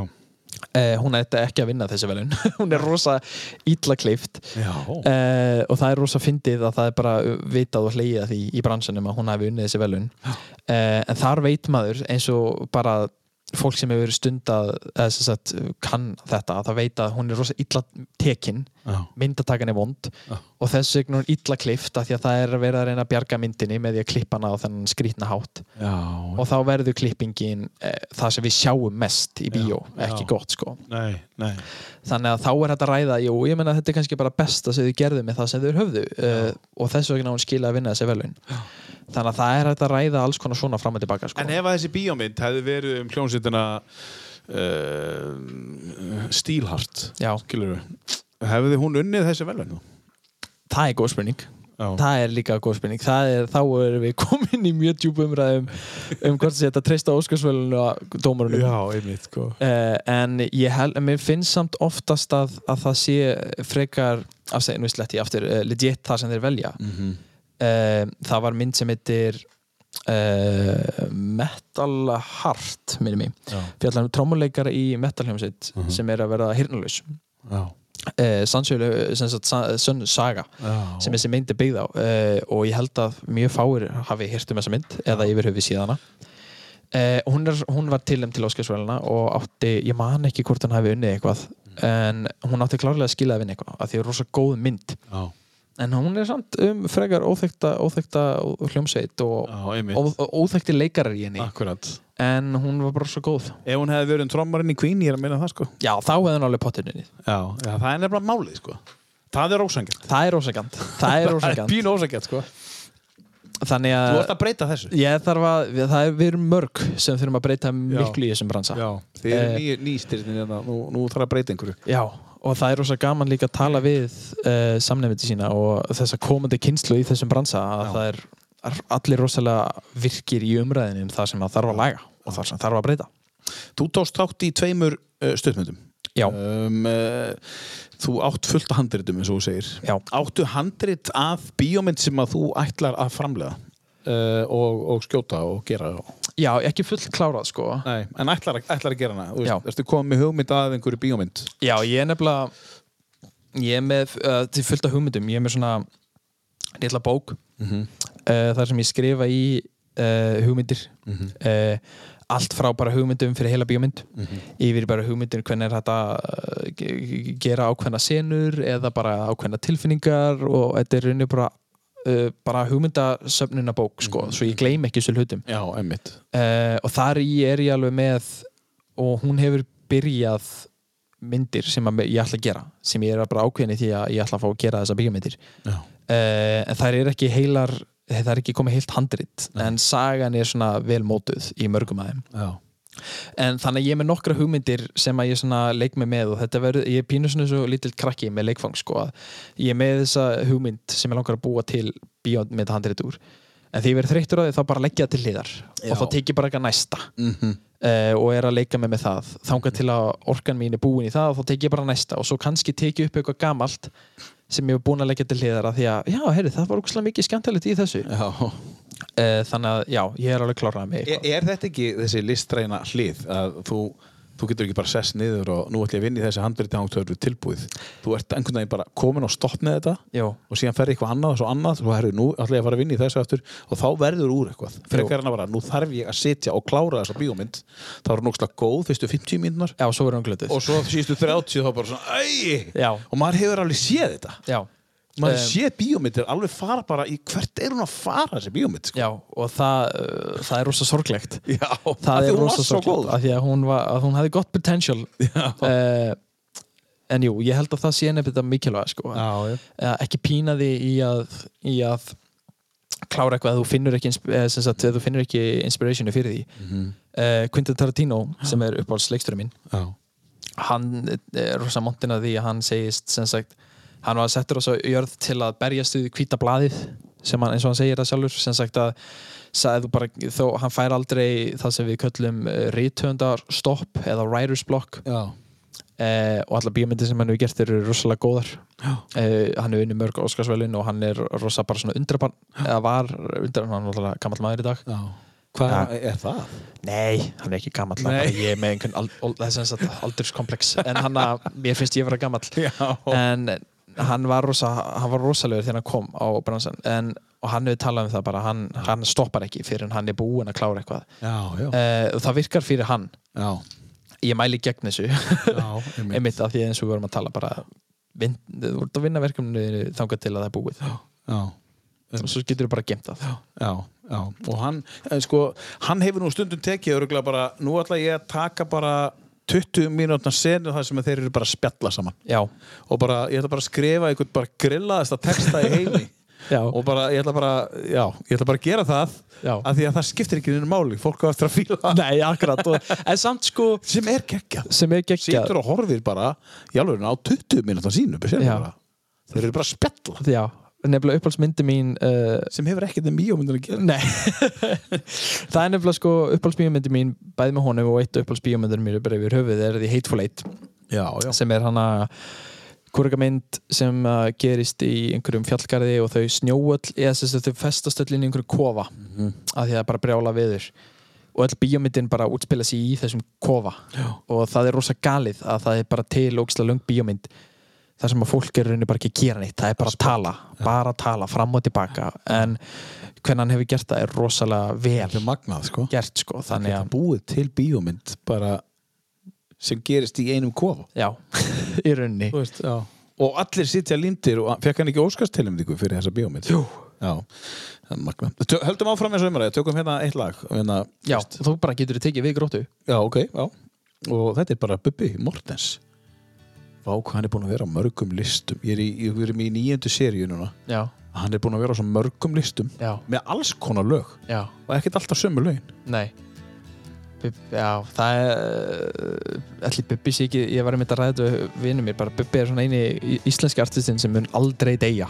Nei, ég mitt hann bara kongurinn mun lifaði í lífi sko. gerða bara gerða lag fyrir, á, fyrir nokkur döðum síðan á föstudaginn síðast á- sem er bara orðið vinstasta lagi á Íslandi. Já, við vorum auði. Já, akkurat. Í rauðbláu húmi Sólinn sest niður. Yfir sjón þögninni miðnættu fríður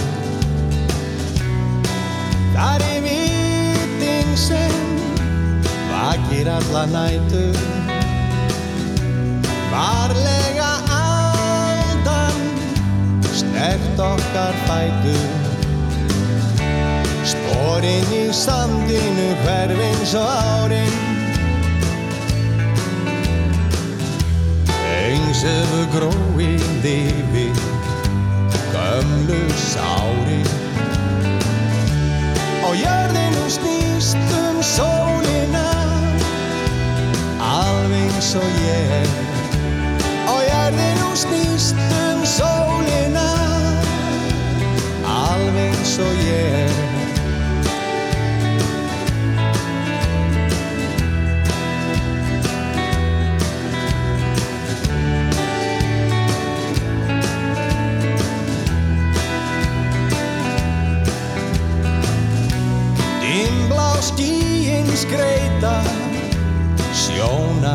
sjónaringin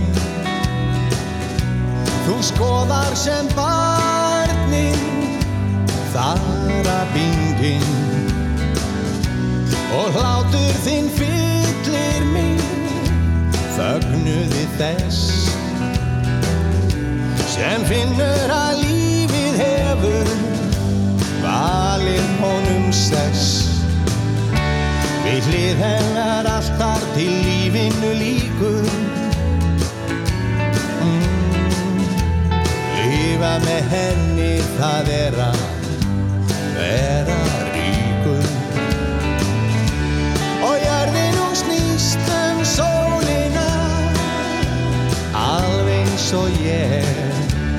Og jörðin hún snýst um sólina Alveg eins og ég. Jörðin hún snýst um sólina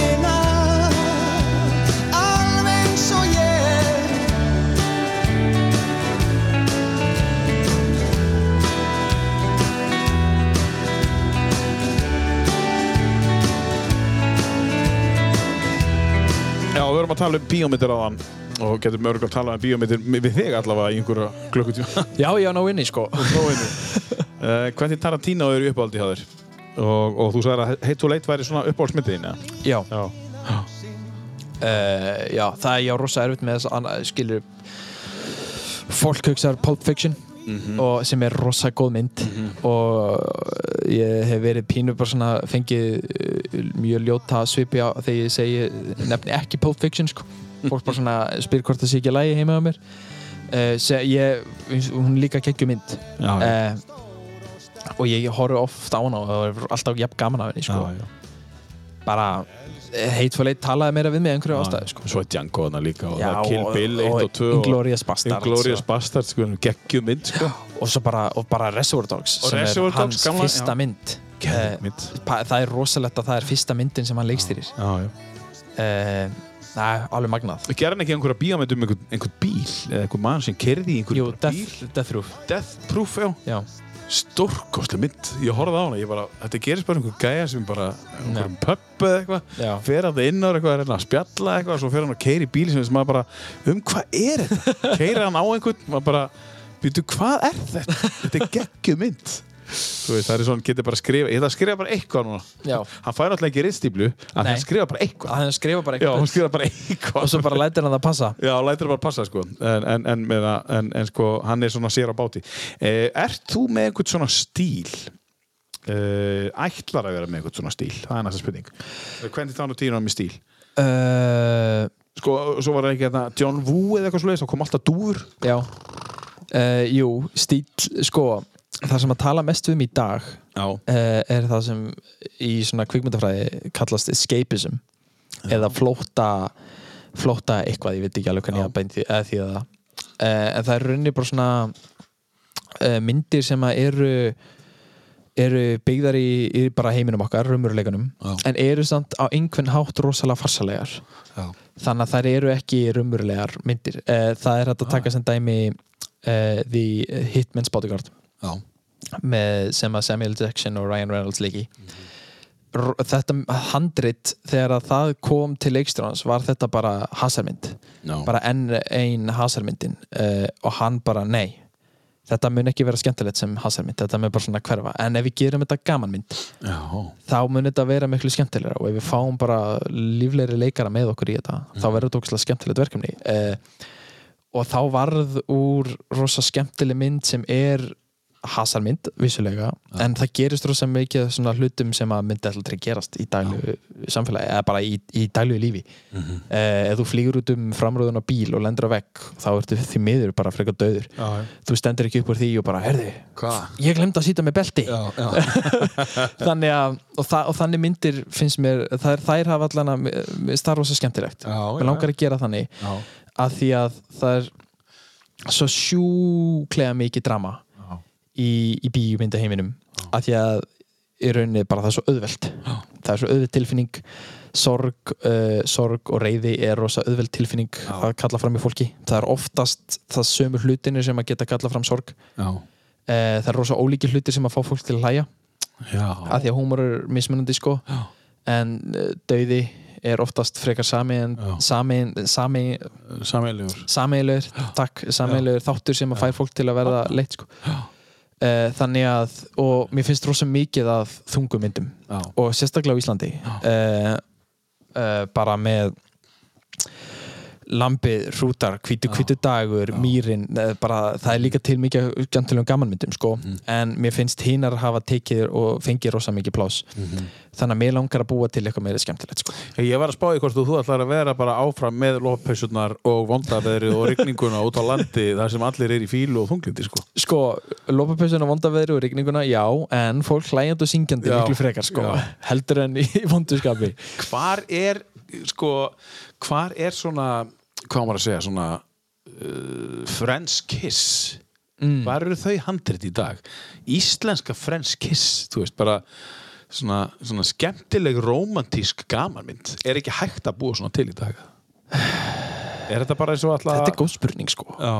Ég, ég myndi aldrei gera það. Íslensku jólamynd, akkur hún hefur aldrei verið búin til sem við horfum á hverjum einustu jól nei, það er enda rétt. Akkur erum við alltaf að horfa á Love Actually og, og, og og þessar erlendu myndir, það er þetta bara mjög góða punktur Já, af hverju ekki til ein skemmtileg nú var gefin út ein mynd uh, Amma Hófi, hún gerist um jólin held ég. Já, þú veist, þetta er ekki jólamynd. Nei, þetta er samt ekki jólamynd. Uh, það er rétt, nei, það er góð spurning. Kannski þurfum við bara, ég þarf að heyra einhverju Ég skemmtilegu fólki og, og já, herðu, ef þú ert með eitthvað bara endilega komdu með það, koma því að. Koma því að. Eh, Nei, nei, hérna, en þetta er bara svona hugmynd Þetta er bara svona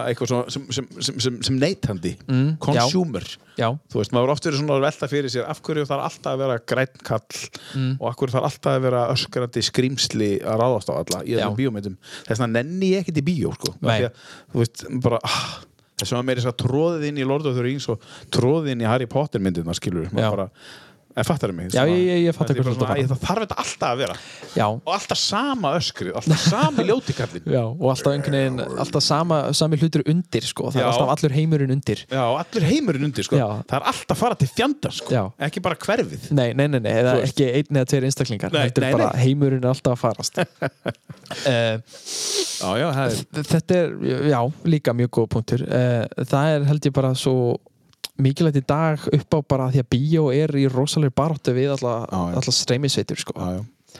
það, streymisveitunar komur rosa hratt og hart inn sko. Það er svolítið góð spurning, þú ég myndi að gera maður um, Bíómynd um, það, það er sko tveir og hálfu tími uh, sko, Martin Scorsese gerir það veist, og hann er meiri sem búin að styrta myndina síðan mm.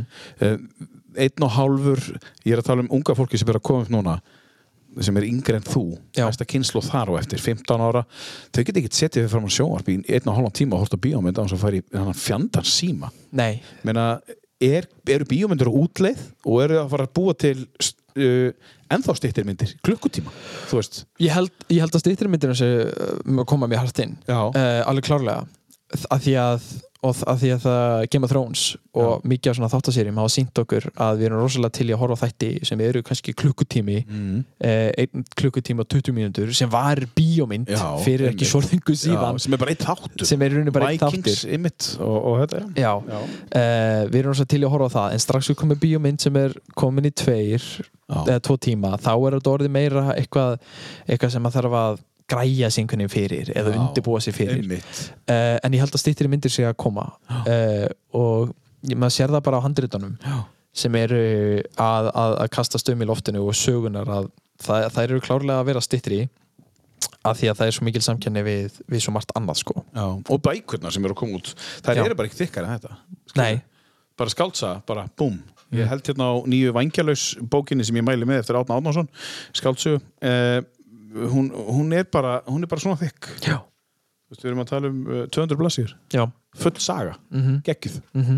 þannig að, þú veist, ég, ég er að tala um þetta sko, þannig að 200 blassina uh, handrit er ekkert löng mynd. Nei, nei, ég, bara ég, veist Nei, það. fyrir eftir sko að því að í kvikmyndaheiminum er ein blasi ein mínúta Já, ég skil. Þannig að það, það er svona viðmið Já, það þannig að þú ert með 80 blasi en 100 þá er hún cirka 80 mínútur. Já, já, já, gott að vita það. Uh, en uh, eitt A4 blað og skrifað Mm. rétt ef maður er í svona handrita stíl þá er þetta cirka ein mínúta. Uh, en þannig að en jú, ég held að stýttir myndir sig á, á leiðin inn, af því að það verður líka það er, það kom út bíómynd, hún heitir The Last Duel uh, hún uh, kom út í COVID á rosalega skrifnum tíma uh, og hún, hún fekk mjög lítið áhorf. Já, hún fór fram hjá ógeðslega mörgum en rosa góði leikari í henni Adam Driver leikur í henni og ég bara man ekki neina önnum nöfn, en mann sem kom myndin hitt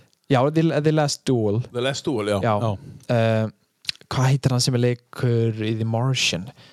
Hann sem fer á Mars Æ, ég Já, já. Allana, uh, hún fekk rosa lítið til áhorf og leikstöðina þar sæði bara að því að það væri út á ungmönum og símanu sínum. Einmitt. Þau hefðu ekki uh, þau hefðu ekki, sem sagt, þau gátt ekki einbeitt sér allan Nei. tíman og þess vegna horfðingin á þessa mynd. Þetta er ágjöldri, sko. Uh, og hann fekk ákveði hattur fyrir það þessi leiksturi Bara fyrir að segja sannleika bara fyrir að segja þetta, segja sína skoðun. Fólk var rosa reitt sko Horfðu bara á börnin í heimahjöður já, Þau get ekki gert þetta. Akkur segja, akkur er ekki hægt að halda þið fram að þetta er staðrindin já, ég meina fólk vildi bara meina að hann væri sára þegar það gert lélega mynd og það vildi enginn horfa á hana. Já, en þannig að þetta er alveg klárlega einhver umræða sem hefur byrjað sko. Já meinar það, já, það sé umræðan en, en ok uh, Eitthvað þarf að gera og, og hérna myndir e- eins og hálfstíma þú veist Mm.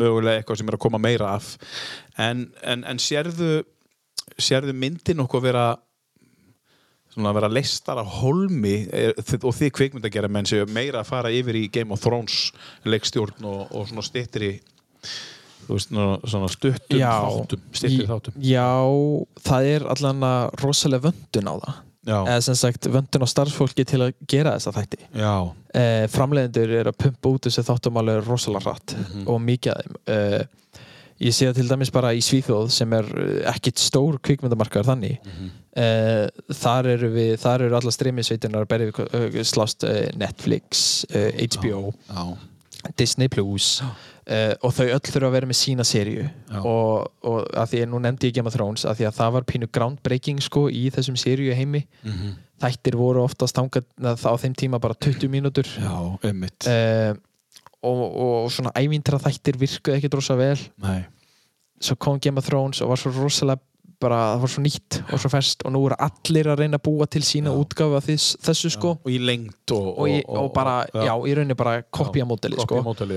Uh, Netflix er með The Witcher. Uh, HBO er aftur að gera núna í sama heim og Game of Thrones. Um, House of the Dragon. Og Vikings er hérna líka. Vikings er hana líka þannig að það fór allir og það er ennþá verið að reyna að búa þetta til Já. og það þarf fólkið og þannig að það er rosalega sagt, vönd, sagt, við fáum að heyra rosa mikið að það er rosa vöndun til að gera þetta. Já, já, uh, en þetta er rosalega sagt, rosalega heft uh, þegar kemur að bara creativeness. Já, að því leitin að þú átt bara að pína að passa inn í móteli sko, sem er búið að sitja upp. Já, þú getur ekki verið að fara og prófa einhverja nýja hluti um, að því að það virkar kannski ekki. Já, já, og þá eru, ekki, þá eru þeir ekki að græða peninga því að þá er enginn að horfa á þetta. Mhm. þannig að, þeim vantar bara mentaðan kvikmyndaleikstjóra í þetta. Já, svo bara, þú ert að fara að gera þetta. Ég, ég er bara að kaupa titilin sko. í rauninni sko. Í raun, uh, það var sænsku leikstjóri sem að gerði hana Morbius myndina fyrir Marvel. Uh, og hann, kom, hann er fyrir nefandi í skólanum sem ég var í. Já, já, og hann kom í skólan og var að tala um skóla eða tala um ferilin sinn og tala um uh, þegar hann var að vinna við að búa til myndina sínar. Og svo fór hann að nefna þessa mynd sko. og þá saði hann einmitt að að vinna fyrir Marvel er ógislega stórt en þú ert í rauninni bara að gera það sem einhverju framleiðendur segja þér að gera sko. Og hann var búinn að búa til þessa mynd. Svo fó, og þau voru að klippa myndina saman. Svo fór hann í tveggja vikna frí til Svíþjóðar. Svo kom hann aftur til LA og þá var búið að endur klippa alla myndina. Já.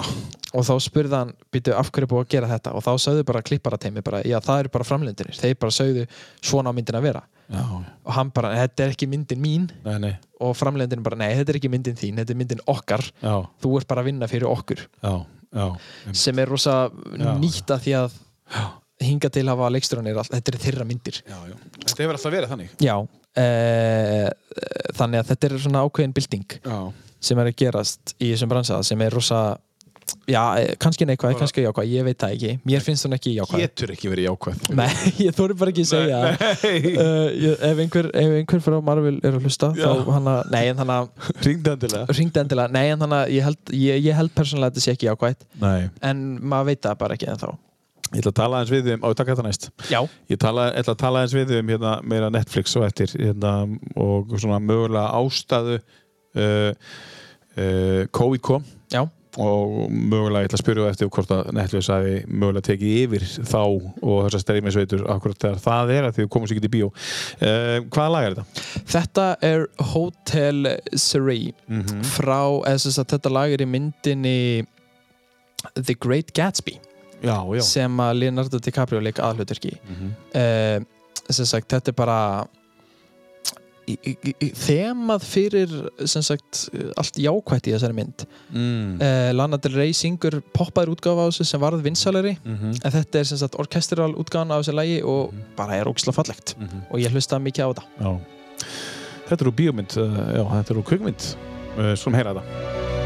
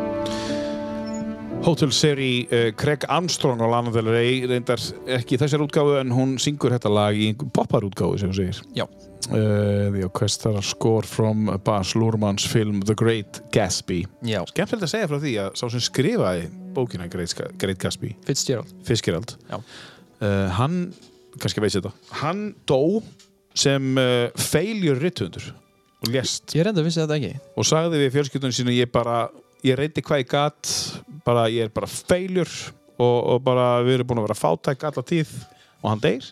Og síðan alltaf fer Great Gatsby bara inn á alla skóla í bandaríkjunum þú veist sem bara út að læra hana. Og, og sí- síðan er þetta mest selda uh, bók held ég bara sem selst hefur í heiminum síðan. Já, það er enda rosalegt. Já, er þetta. Er- Ég er búinn að lesa, Já. ég er búinn að lesa bókina tvisvar. Já, uh, Ég lasa eldri útgáfu. Já, og svo la- las ég uppfærðari útgáfu á ennskunni og bæði skipting geggju bók, Já. geggju saga. Þannig að Fiskirald, hann, hann, hann bara dó sem feiljur rittöfundur, gerði og aldrei var svo frægur. Og var svo frægur án sem vita, blessaða maðurinn. Ah, Kall greið Herðu, eh, við ætlaðum að eh, ég las þetta einhvers þar, getur vel verið að hafa rátt fyrir mér en, en, en það, ég held að þetta sé rétt um mér. Um, Ég ætla að tala eins um Netflix og hinnar streyminsveitunar uh, Já. Akkur nefnir maður alltaf Netflix fyrst? Af því að þeir bara komu fyrst sko. að þau komum fyrst, já, já. Já. ok, ég fór alltaf í að pæli akkur segja maður Netflix þeir komu fyrst og voru stæðstir bara fyrst já, fólk held bara að þetta væri ekki að vera að virka þetta mótel sko. Nei, einmitt. En svo kemur COVID og, og, og, og við náttúrulega erum bara heima og megum ekki fara neitt út og við megum ekki fara í bíó. Nei, megum ekki hittast tvö árlega, búm allir gerast áskrifundur á þessu þreyminsveitum og hvað gerist? Ég meina, hvaða áhrif hefur þetta á kveimunda bransan? ég meina fólk hætti að fara í bíó Já, uh, og það er bara og það er bara stort vandamál já, að síðan að COVID skall á þá hefur fólk hætt að fara í bíó rosalega, eða bara tölunar hafa hrunið. Eh, Hrunið. bara á meðsölum í bíó Já. Ekki minka, heldur bara bara, hrunið. bara hrunið. Já. uh, og sérstaklega eftir að COVID hætti. Það er ein og ein svona mynd Já, sem að gefin út sem að selur rosalega mikið og græðir rosalega mikið. En ef þú horfir á hildar einhverja svona tölur Já. frá, uh, frá 2000 þá hefur salan farið rosalega hratt niður. Og það er ristor bíómyndakæði í bandaríkjunum sem að bara hætti. Fór, ég veit ekki hvort ég, get ekki, ég veit ekki hvort ég get orðið, fór á hausinn. Ég sa, las allan að hún væri bara hætt. Já, bara loka.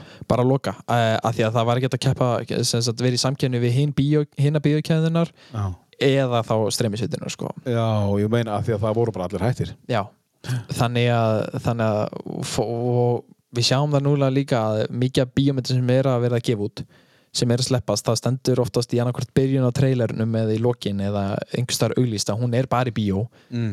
Eh, til að reyna að fá fólk til að fara aftur í bíó. Já, eh, en ég held að núna þegar þetta er komið eða streymisittunum er komnar það er ekki að fara. Eh, og það eru bara að fara að vera vinsalari já, eh, ef þau geta haldið mótulinu sínu í Rúlandi sko.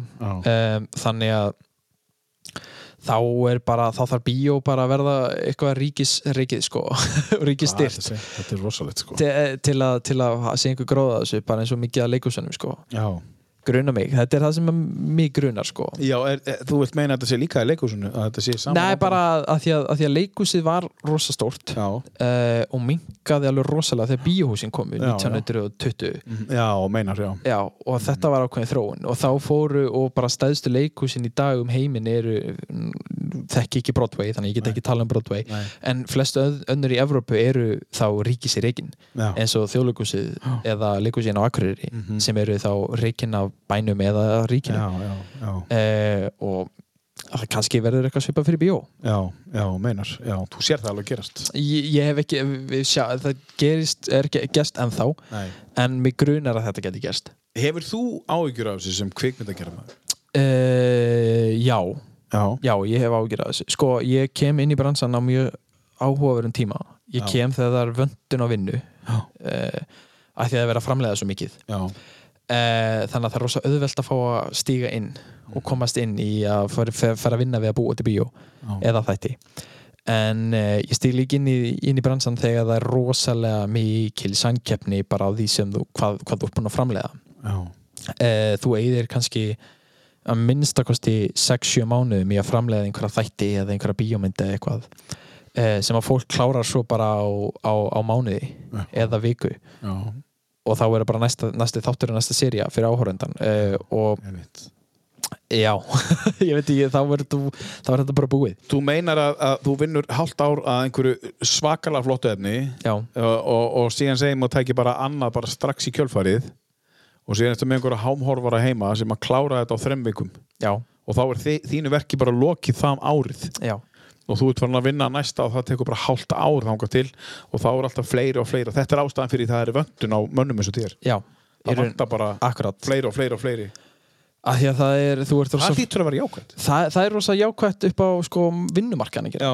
og, og bara fá laun. Uh, já, það, uh, alveg klálega uh, þetta er rosa jákvæmt fyrir, um, fyrir starfsmannin sko. uh, og svo er, en svo er það listræna sem er meira spurningamerki sko. Það, uh, ég tek sem dæmi uh, þettina sem að Netflix síndi Squid Game söðu kórinsku þettinir uh, hann sem átti handrita þessu þáttum, hann var búin að eiga það í tíu ár pluss Mhm. uh, hann var búin að selja rosa mikið, hann var búin að selja þetta handrit oft, það vildi enginn kaupa vildi enginn framlega þetta.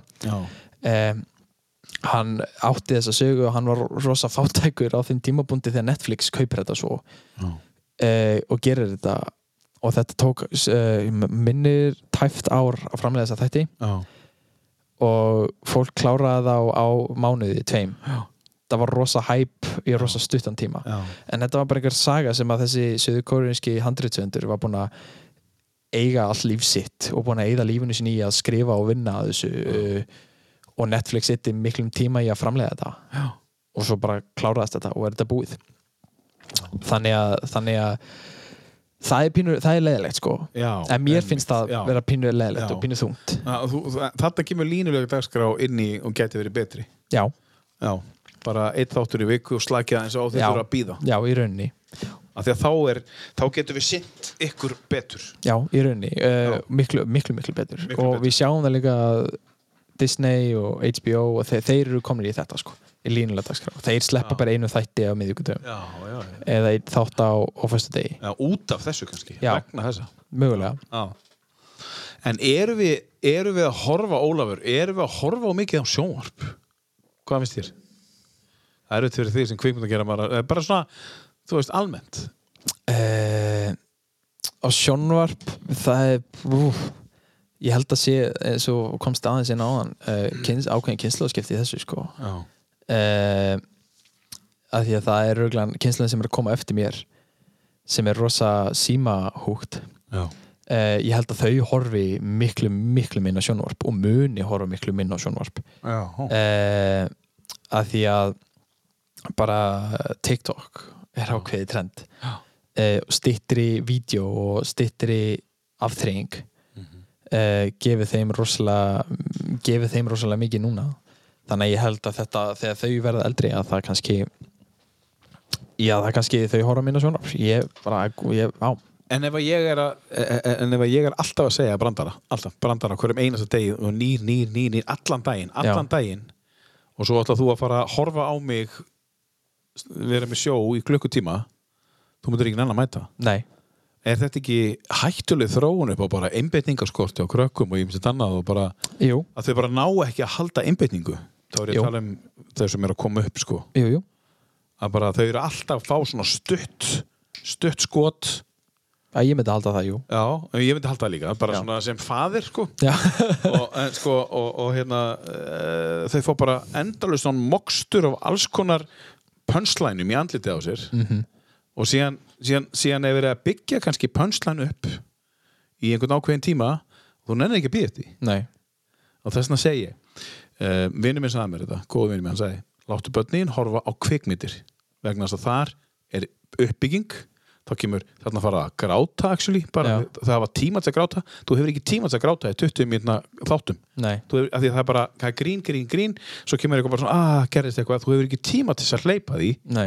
Og þarna segir hann bara, þarna bara er það bara byggt upp, nú er bara 5 mínútur þá sem þú bara leift að gráta Mm. og síðan er byggt upp eitthvað og síðan kemur bara eitthvað atriði í lokin og þetta er miklu hotlara fyrir barnið að alast upp í þessu einhverju, ég kefti þetta hjá hann Já, ég, ég myndi, myndi kaupa þetta líka. Já, Eh, bara sem bara- Þetta er sagt um mig. Já, bara, uh, þú veist meða við hinrökin Já, allan daginn. Og ég uh, myndi alltaf miklu frekar vilja að börnum mín myndi horfa á bíó frekar en, eitthvað uh, Það er nefnilega, og svo er líka annað áhugavert í þessu sem er mér fyrir að því ég hlustaði á þáttinn sem hann vinur minn Haukur Sindri gerði með þér. Já, og hann var að tala um að leifa sér að, að, eh, sem sagt, að hann leifi sér að leiðast. Mhm. að það þurfi ekki alltaf að vera með eitthvað, eitthvað, eitthvað sem er að taka eh, sem, sagt, sem er að drö, sem sagt, taka aðdeglun hans.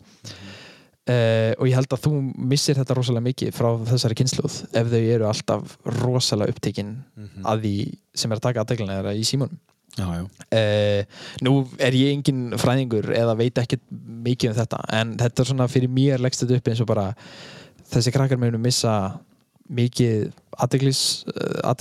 er með stýttast Já, hvað þau nenn að fylgjast með og horfa á. Já, uh, þeim mun þá leiðast minna og það mun bara að því að ógislega mikið að góðum hugmyndum kemur þegar þú ert bara situr í þögn og horfir í loftið já að hugsa. Best, eh, skemmtilegustu hugmyndinu mínar eh, og það sem er mest bjarga mér ef ég er að skrifa eitthvað eða leita einhverju, það er þegar mér leiðist. Mhm. þannig að, já ég held að það sé eitthvað sem við erum að missa líka. Algjörlega samanlega og líka þegar þú kannski uh, ert með þessi pönslæn í andlitinu uh, viku eftir viku, mánu eftir mánu, ár eftir ár svo allt í einu þarf að takast á við eitthvað sem kemur fyrir í lífinu þá deyr einhver hundurðin deyr eða einhver nákominn.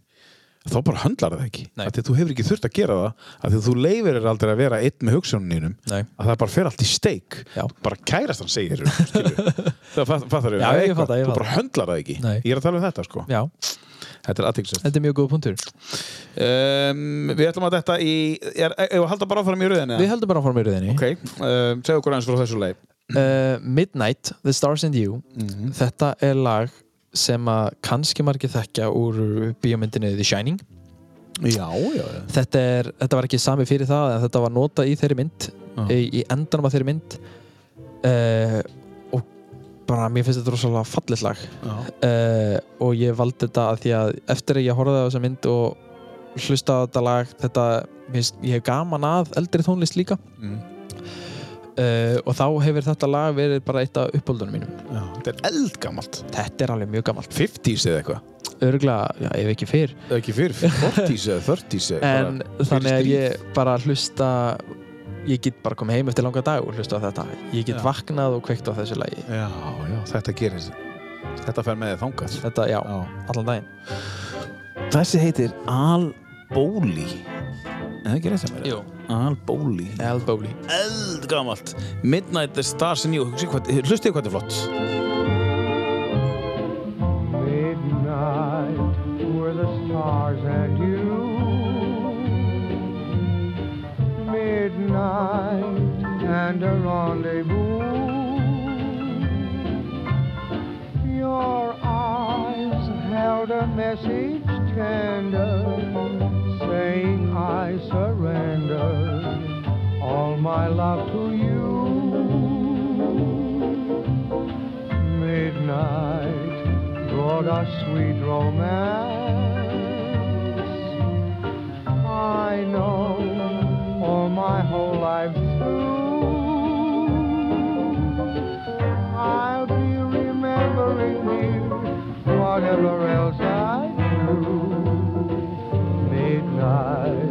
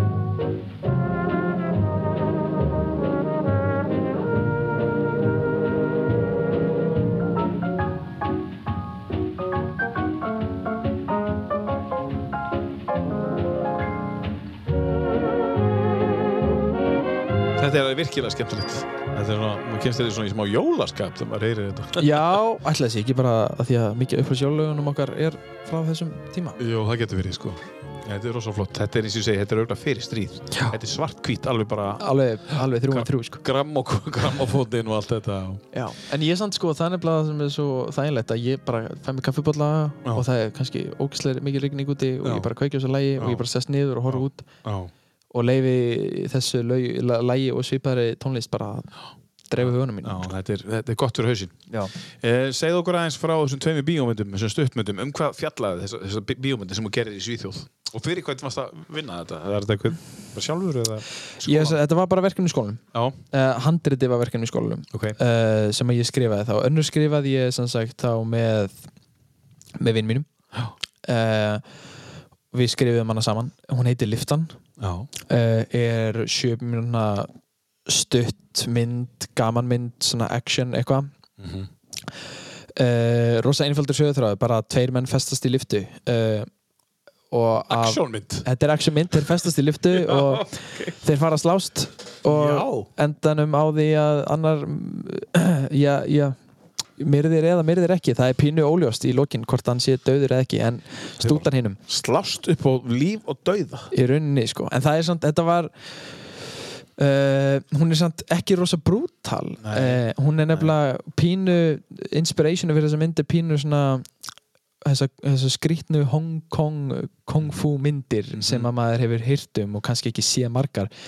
Uh, Rush Hour til dæmis. Já. Þar sem, er, þar sem Jackie Chan leikari er að gera út, hann er slást með borði og eitthvað svona já. rosa kjánlega hluti. Þessi mynd fekk miklar, mikið inspiration þaðan. Já, ég skil. Það er frá þessum heimi. Já, Þannig og það er nefnilega, það er svona þrifvagn inn í lyftunni með þeim. Já, já, já. uh, og, þeir, not, og, þeir, not, og þeir, þeir slást í kringum þennan vagn og með, með því sem er í vagnum. Uh, ógislega skemmtileg mynd. En mér finnst hún skemmtileg. Og, og, varst það þú sem að bjóst slagsmálaðatriðin? já, þá Já, sem sagt ok. fekk ég Vá. félag, félag mínu í skólanum sem að e, vill vera stönd uh, sem sagt koreografir Já, já. Eh, og kóreografa slagsmál og svona fyrir bíómyndir og þetta fekk hann með mér í þetta og hann, ég, hann og þetta voru bara tvei leikarar. Já, við, við fjórir og, og myndatökumæðurinn okkar eh, við fimm þá vorum að leika okkur bara í herbyggi einn dag bara hvað væri þetta að gera og hvernig væri þetta að gera þetta. Og ég var náttúrulega búin að skrifa niður hvað þetta gerast já, og það var pínu bara þróun með hvernig getum við fengið þetta að virka og hver, hver getum við þurft að breyta og eitthvað svona. Já. þetta var þá fyrsta myndin sem ég leikstýrði. Uh, svo leikstýrði ég mynd sem heitir Blood Money sem ég skrifaði ekki sjálfur. Uh, mjög nánu vinur minn skrifaði handreita þeirri mynd. Uh, og ég leikstýrði henni. Hún er nefnilega akkurat öfug sko. Hún er rosa, það er bara pjúra mordmynd sko. Já, það er mikið blóði. Eh, það er mikið blóð og það er reyndar bara að vinna með gerðblóð er að umulegasta sem ég gert hingað til. Það er rosalega mikið bras en það er mitt fjallaði um e, þrjá stráka sem að leiðu bústað e, fóru til bústað e, og þessi bústað er sem sagt er svona riggaður af morðingjateimi Já, já. E, sem að tekur þessa stráka og myrðir þá og streymir því á netinu. Já, og fyrir bara fólk sem að borgar inn á streymið og er rauninni bara að horfa á fólk vera myrt í beinni. Já Blood Money, þannig kom það. Já, Já. Uh, og aðalkarakterin okkar sem sagt er einn af þessu strákun sem er leið í bústæðin en sem sagt vinnur sig á morðingjónum skilur Já. hann, hann, hann bjargar sjálfum sér. Já, hann bjar, bjargar sér. Já. Með einhverju svona plottið það uh, Ekki segja mér samt nei, að Því ég er að það býða eftir að þú setur myndina inn á heimasíðina hérna Þannig að horta á hana uh, nei ekki, með neinu, ekki þannig með neinu plotti sko. meira bara með raw brutal strength eða styrk mm. Skemmtilegt Uh, hann nefnilega kemur inn í söguna sem rosa veikur karakter og rosa Já. mikill aumingi Já, já, já uh, og pínu þarf þarna að lifa af. Uh, og var þetta í rauninni þegar að handritið var skrifað og þegar ég tók við því Já, saga um sagt bara karakterbygging sko, um einstakling sem að já, eins og ég sagði, er rosa veikur Mhm. uh, bara svona andlega og líkamlega Mm. en, en byggir sér rosa, eða gerir sér rosa sterk, sko, sterkan sko. Ég hlakka til þú setur þetta inn. Já, og þú voru að senda mér skilabóð þá Ég skal- ég skal senda þér skilaboð. Hér er allt rastlum mitt. Já, ég skal senda þér skilabóð ég, ég er svona pínu að pressa þig sko er, ég skal, ég skal láta það vita strax ef við koma. En- um, já, það var rosa mitt skemmtilegt að fá að gera þessa myndir uh, og þá bara með, með fólki sem að mjög náið mér og, og hefur ógslag gaman að gera bíó með mér sko. Haukusindri til dæmis gerir tónlistina fyrir þessa myndir. Já, já, uh, þá er mitt bara var hann í Danmörku og svo í London. Já. og uh, af því að það eru gerðar á sitt hver árunni og ég bara sendi honum, eða ég rætti við hann og sagði bara ég er að fara að búa, mynd, búa til þessa mynd er þetta ekki til í að búa til tónlistina? Mhm. og hann var meira til og það er búið að vera rosalega lónsamt að vinna með honum. Já, hann er frábær. Já. og þið eru búin að vera æsku vinnir eða þið eru æsku vinnir Nei, við erum nefnilega ekki esku vinnir uh, Við kynntust í Vaffuma. Já, uh, vorum í sama vinahópnum. Uh, og svo bara urðu við rosa góði vinnir þegar að hann var að flytja út Danmörku sko. Já, og, urðu, og bara, eh, já. Það er ekki góð tímasetting til þess að vera góðu vinn Nei, nei. Það er, það er enda núna þegar maður hugsa út það er rosa sérstakt að við urðum svona náni vinnir en við urðum bara rosa góði vinnir og ég, ég með þykir rosalega vendamann haug Já. og, er, og ég er ógslag skemmt eða gladur að hafa haft hann í lífinu mín sko. Já, það- þeir eru bara rétt að byrja Já, við erum bara rétt að Hann er byrja tónskáld og þú ert kvikmyndagera maður, þetta getur ekki klikkað Nei, nei, nei, nei, þetta klikkar ekki Þetta er bara gott sko En segðu mér sko með útskriftina í, Mhm. úr þessum skóla uh, læriði, sko, nú þetta kallar hann hljóma heimskuli spurning, ég er bara að spurja og það eru einhverjum út að hugsa uh, Já, já. hva, hvað er lærið? Þú veist, læriði ferlið, hvernig á að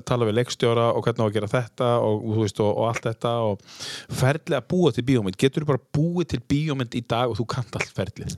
e, Já, Já, það er svo leis já, Já, í rauninni Við lærum allt ferlið bara frá, bara frá hugmynd.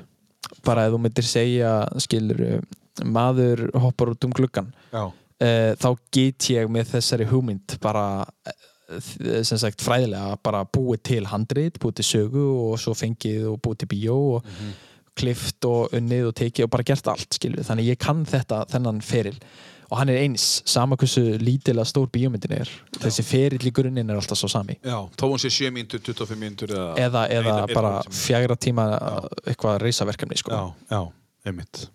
Þannig að, og, og þar til bí- bíómyndin er bara full kláruð já, Já. Í rauninni.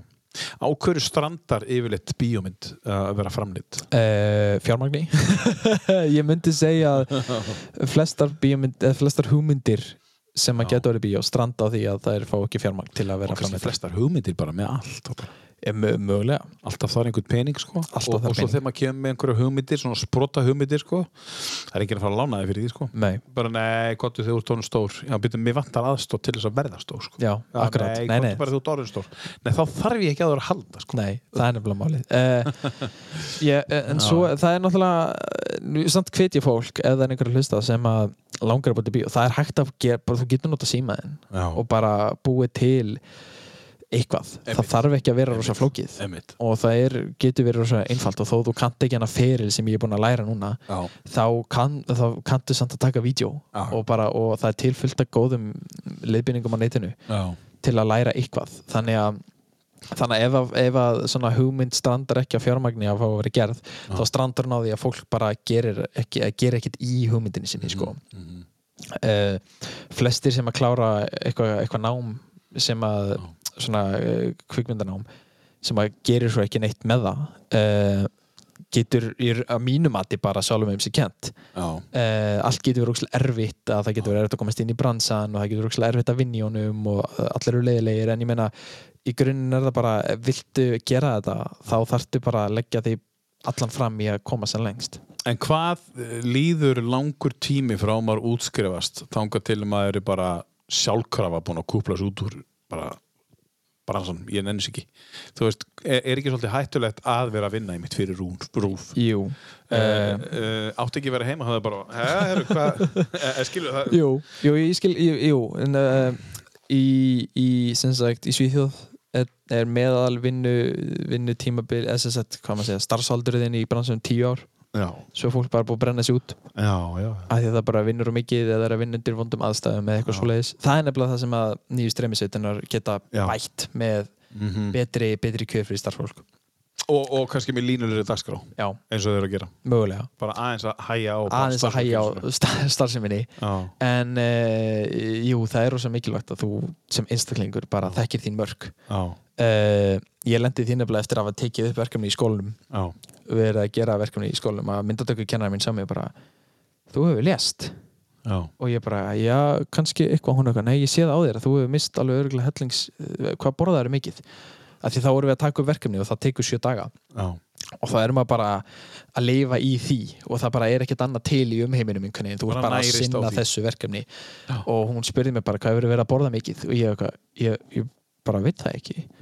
Hún bara, nei, ég held nefnilega að þú voru að passa þig á þessu og, mitt, og þetta er líka umræða sem var tekin í skólanum bara, þið verðið að passa ykkur að skemma ekki ykkar an, eigin andlegu hilsu fyrir bransan skilur, hann er ekki þessu virði. Eh, þannig að þannig að skólinn tók vel á því fyrir mig já, en jú, ég held því miður að margir margir brenna sig út sko Já, vá, þetta er, þetta er frábært hjá þessum kennara að, Já. að hafa spottað þetta svona, þegar hún spottaði þetta keftur þetta þá þegar þú varst búin að hugsa þetta eins bara, já, Já. ég er ekki búin að borða Já, neitt. því að svo fór ég bara heim og viktaði mig bara, heyrðu, ég er búin að missa 5 kíló Já. og 7 dögum Já, það þýr út ekki bara að borða neitt það ég þú ekki búin að bara drekka neitt. neitt. Nei, ég er bara búin að vera eitthvað í Já. skóginum að hlaupa um, Já. eitthvað með fullt af Já. fólki og stress og hamagangur Þannig að sérðu bara, en samt sko hvað áhugi og svona, þú veist, metnaður og þú hefur áhuga á einhverju eða ert ástfangin eða hvað það er eða eitthvað heilin þarf bara það Já. þú nærist bara á aðstæðunum og á einstaklingnum, skilu Mhm. Já, þetta ég er er- alveg magna fyrirbæri, sko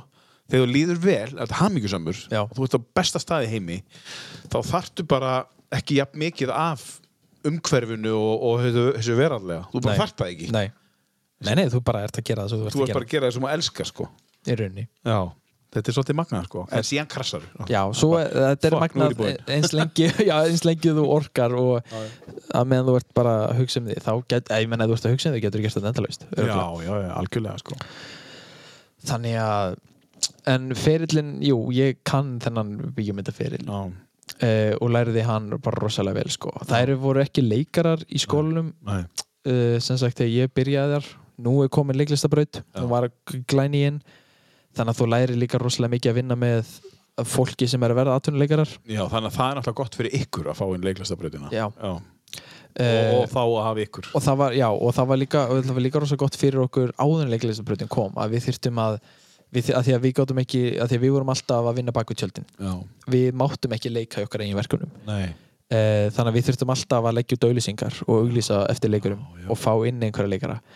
Þannig að það gerði líka helling fyrir okkur að þurfa að taka móti einum degi kannski 15 leikurum. Já, halda á svona áhörendapröfur og svo reyna að finna út hver passar best. Mhm, uh, og svo er náttúrulega er þetta skóli þannig að það er ekki mikill peningur í þessu. Mhm. Þannig að við getum ekki verið að borga einhverja leikurum rosalega há laun. Nei, þannig að það er líka einhverju það er líka uh, það var líka stór punktur í þessu að reyna að finna leikar sem var tilbúin í að gera þetta með okkur. En það hjálpar ykkur að því það er í rauninni kannski ferillin, sko, Já. að sitja og hlusta í staðin fyrir að tala við vinsinn bara gamlega verður ekki til að leika hérna í þú- sem er rosa þægilegt og það Jú, jú, auðvitað er það þannig, þú ringir í þín besta vinn maður sér oft sko sömu þrjá kannski sem leika í sömu bíómyndunum Já, já, það ég er meina bara sami gæði sem það er ekkert skrítið að hverju Quentin Tarantino er alltaf að vinna með Samuel L. Jackson eða Já, ymmit, hann bara ringir alltaf í sitt fólk bara við sitt, sitt besta fólk sko. Já, bara, herra, ég er að fara að gera bíómynd og ég finn bara eitthvað, eitthvað fyrir þig sko. Mm. Þú veist, eða ég skrif eitthvað bara í kringu þig eða, þú veist, það er rosa þægilegt sko. Já. þú ringir bara í vinið þína Mm. þú ringir bara í Sindra, Sindri ringir í þig Já. og þið búið til kvikmynd Já.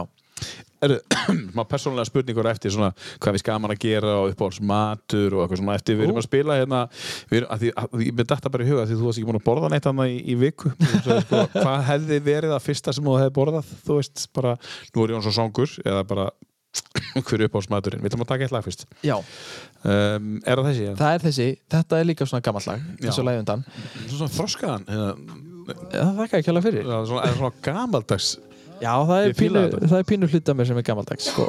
eða stór hluti frábært Þetta er As Time Goes By Þetta er nefnilega mynd úr uppál, eh, Þetta er lag úr uppáhaldsbíómyndin minni Casablanca Já. sem var gerð 1942 Já, já og er ástalagi þessari mynd og þetta er rosalega fallit lag og myndin er gömul. En hún er samt rosalega góð. Casablanca er svona romantísk bíómynd, eða ekki? Jú. Æ, Þetta er svona, jú, þetta er romantísk bíómynd í Ég skoraði á þig að taka eina íslenska romantíska bíómynd ég, ég tek vera áskurinn fyrsti maðurinn sko, í, í langan tíma. Til að búa til íslenska romantík og svo tekur einu jólamynd þar á. Time goes by. Moonlight and love songs never out of date. Hearts full of passion, jealousy, and hate. Woman need man, and man must have his mate that no one can deny. It's still the same old story. A fight for love and glory. A case of do or die. The world will always welcome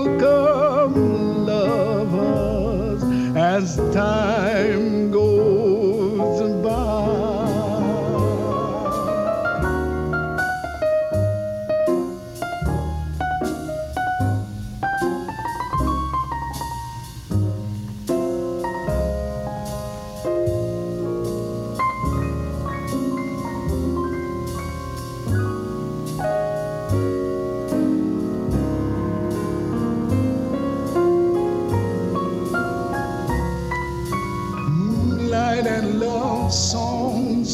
never out of date.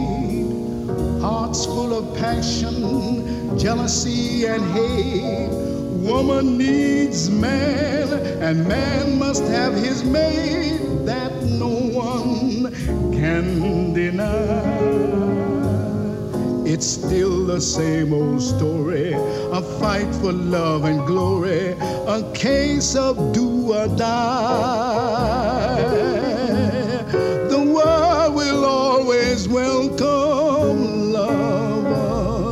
Aftur, aftur er ég komin í jólaskap.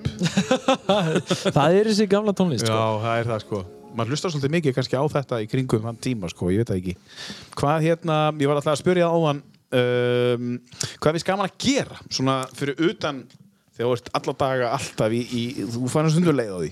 Já. hvað þið gaman að gera? Þú veist bara, þú veist ef, ef að þú fengir nú bara að setja upp þinn dag. Mm. hvernig myndi, myndi sá dagur vera? Uh, það, það, það mér finnst það að fara pínu eftir sko. Uh, að því að ég hef rosa gaman að því að að gera, að gera vel við mig sko. Uh, í, og hann að ef ég myndi leggja upp ef ég ætti frídag og allir vinni mínu var í fríi Mhm. og ég ætti að gera e- einhvern skemmtilegan dagur í sko, þá myndi ég bara uh, gera rosalega góðan hádegismat gera vel við okkur í mat og drikk og bara og, og, og, kannski bara bara vera með vinni mínum. Borðspila kvöld gera eitthvað skemmtilegt sko. Hanga með með vinni mínum. Uh, en, það, en, ég hef, en ég er rosalega en já, það er rosalega ólíkt sko hvern, í hvernig stuði ég er sko. Já. hvað mér langar að gera. Uh, stundum það sem ég þarf er bara að gera ekki neitt. Já. bara að vera heima eins og þessa helgi núna. eins og þessa helgi núna. Bara að vera og hlusta á eitthvað drastl og horfa á, einhver, á einhverja þátt eða einhver, einhverja bíómynd eða pæla í einhverju. Mhm. Stundum hef ég rosalega, finnst mér rosalega gott eins og ég nefndi hérna snemma að fara út og hjóla. Já, einmitt. Uh, ég, það hefur verið rosalega stór plús fyrir mér Reykjavík að geta hjóla, ég hjólaði bara um daginn inn í Hafnarfjörð frá Reykjavík. Já, við og, frá, og tilbaka þannig að í rigningu, að því að það er alltaf rigning. Bara alltaf regning en, hana, en það, já, þannig að það er rosa mismönd en oftast er það eitthvað með vinnum eða fjölskyldu sko. Já, já það sem að ég er rosalega gaman að að vera sósjál En ef þú verður að fara að elda mat og eitthvað gera vel við í hátteginu, hvað myndur elda? Hvað, hvað er þitt upp? Ú, ég myndi elda sko ég, ég, ég myndi elda ég myndi taka bara eitthvað gott nautikjöt Já. hafa í forrétt sko humarhala grilla Já og svo, og svo einhvers konar súkulega músi eða eitthvað eftir rétt Nei, ég, ég, ég veit að ég hef gert þetta áður. Já, ég, hef gert þennan dag. þetta virkar. Já, og er, þetta er rosalega góð matur.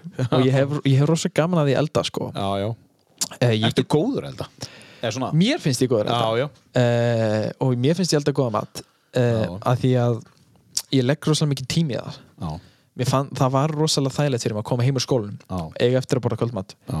og bara eigða tveimur og hálfum tíma í að elda og þetta hljómar er svo ógeðslega langur tími en þetta var bara svo þægilegur tími að vera bara að geta slakað á og ég er bara hérna að hakka papriku og ég er að hakka lauk og ég er hérna Já. að dúlla mér við þennan pastarétt Og þú ert að gera það þó þú búir einn Já. og komir heim seint á kvöldin og þú samt að dunda þér í þessu. Já, það er stundum er ég latur sko er magnað. uh, og þá veit ég bara til dæmis eins og uh, ég var að vinna þáttaserju í Svíþjóð í vor Já. Uh, og ég vissi bara að því að við fáum alltaf vinnutíman að senda fyrirfram og ég vissi að ég var að fara þessa fjóra daga að fara að koma heim ótrúlega seint og byrja rosa snemma Já. þannig ég bara, ég mun bara ekki hafa tíma því að þá mun ég ekki sofa neitt Nei, nei. þá bara eldaði ég ótrúlega mikið pítsu og fristana Já, einmitt. já. þannig að ég gæti komið heim og þá var bara Já. tilbúin pizza fyrir mig Já. þannig að ég þurfti ekki að panta eða Já, kaupa neitt. hugsaði bara fram í tíman já, bara, uh, nú ok, nú veit ég að ég er gott að elda lasagna Já, já. af því að þú getur elda mikið lasagna Frist. og frista Já, mjög sniður. þannig að ég hef rosa, en já, ég hef rosa gaman að elda sko. Þannig að þú ert, já, ok, þannig að þú, en, en, en eins og núna, þú ert í býri Reykjavík, meina, uh, kemur heimklæðan þegar þú ert á vakt, Já. þú fyrir ekki elda þá. nei, þá fæ Þá ég mér, borða. Já, en svona, þú ert frívátt, frí, þá, þá, þá ertu að elda alveg, þú ert einn. já, Ef þú fer, fer ekki til sýstuðinar og, og, og bróðins. nei nei, og, nei, nei bara ég elda, stundum er já, eins og ég sagði, stundum er latur. Eða stundum langar mér að prófa einhvern ákveðin veitingstað eða eitthvað ákveðin Já, já. og þá, og að því að ég er ekki góður í enda, elda indverskan mat. Nei. uh, hef ekki prófað það og hef ekki þannig að ég, og ég bara tel mig ekki vera flingan í því. En finnst hann góður? finnst það rosa góður. Já. þannig að ef ég er með langar í það þá færi ég frekar að fengi mér það einhvers staðar. en um, en annars held að ég er rosa mikið sko. og ég hef líka það er bara rosalega þægilegt að þá stundum bara ringi í mömmu Já, eða ringi í haugsindra eða ringi í einhvern vinn minn Já. og er bara spjalla við þau meðan ég er elda já, já, einmitt bara, já. bara með hirntól og bara með þau með þau í messenger calli og er bara að tala við þau og bara meðan ég er elda með mat sko. Eða hlustar á, á, á, á, á þetta stöff hérna já eða Bara, bara, bara eða hlusta á uppáhaldstónlistan mína sko. Þetta er svona ekta elda tónlist svona, Í eldhúsinu. Já. Kem heim, er með svundu, ég er með svundu Þú og ég er bara að hakka laug En ertu með leðursundu? nei, nei, Nei, þú ég er ekki með leður Það voru að fá þér leðursundu ég er greinlega Það er pínu töff sko.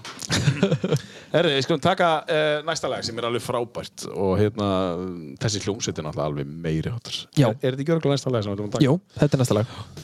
Þetta er náttúrulega bara 80s döðans sko, þessi hljómsveit sko. Já. Hlustar mikið á Mac já, uh, ég hlusta mikið á já, þetta lag veginn kom sent inn hjá mér. Það einhvern veginn bara fór fram hjá mér alltaf. Já, já. uh, Little Lies var uppáhalds mm -hmm. með þeim. Mhm. svo benti Haugusindri mér á þetta lag og ég bara, "Á, ég hef aldrei heyrt þetta lag. Nei. samt á plötu sem ég hef marg ótt hlusta bara einhvern veginn farið fram með mér. Já, já. En núna bara eitt uppáhaldslögunum mínu með þeim. Þegar þú segir plötu, uh, vínill eða geislaspil nei, geislaspilar Hlustar á vínill? ég á ekki nei en ég, væri, ég á fullt af vínil plötu Já, það, það kemur setna bara. Það kemur sérna Hlustum á brottúr þessu fína lagi með Fleetwood Mac Dreams heitir þetta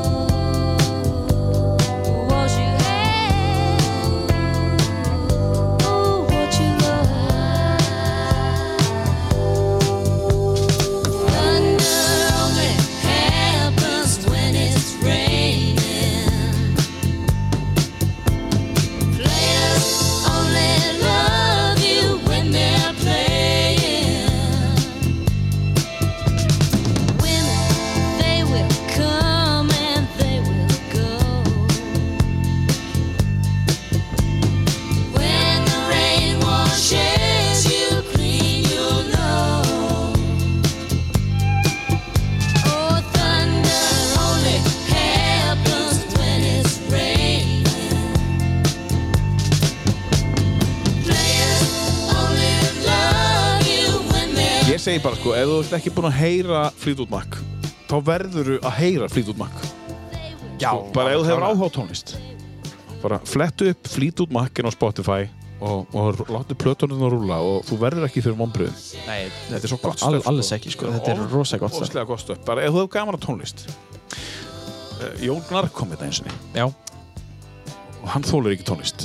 Þannig að tíu bestu og honum voru svona fjögur ágættustu.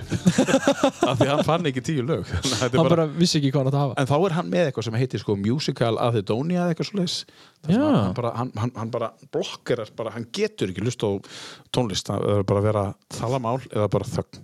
Það er rosa Nei, það, er rosa bara, áhugavert. það er bara einhver 5% eða eitthvað sem væri með þetta. Og þetta er bara, actually, bara greining sem hann fekk sko. Vá, Já, já, samið lög sko sami lög og við erum í hljómsveitum allt sko. þetta er alveg magna Þetta er sérstakt. Farið á tónleika og allt sko en, en, en hérna, þetta er svolítið magna ég skoraði að hlusta á, á, á það viðtal.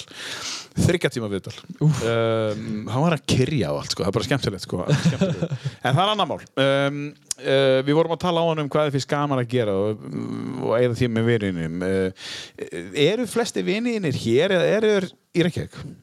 Sko, eða í Svíþjóð? þeir eru annarkvæmt hér eða í Svíþjóð já, já uh, þá voru að tala um Akkurir Þá erum við að tala um Akureyri eða í Stokkólmi Já. uh, Ég á ekki vini í Reykjavík Nei, þú sagðir ég þekki alltaf fáðar Ég þekki alltaf fá að Já. þær ég, já, já, það er sem sagt er fullt af fólki sem eru vini mínir sem eru þar en ég myndi ekki ringi í þau og, og, og hitta þau sko.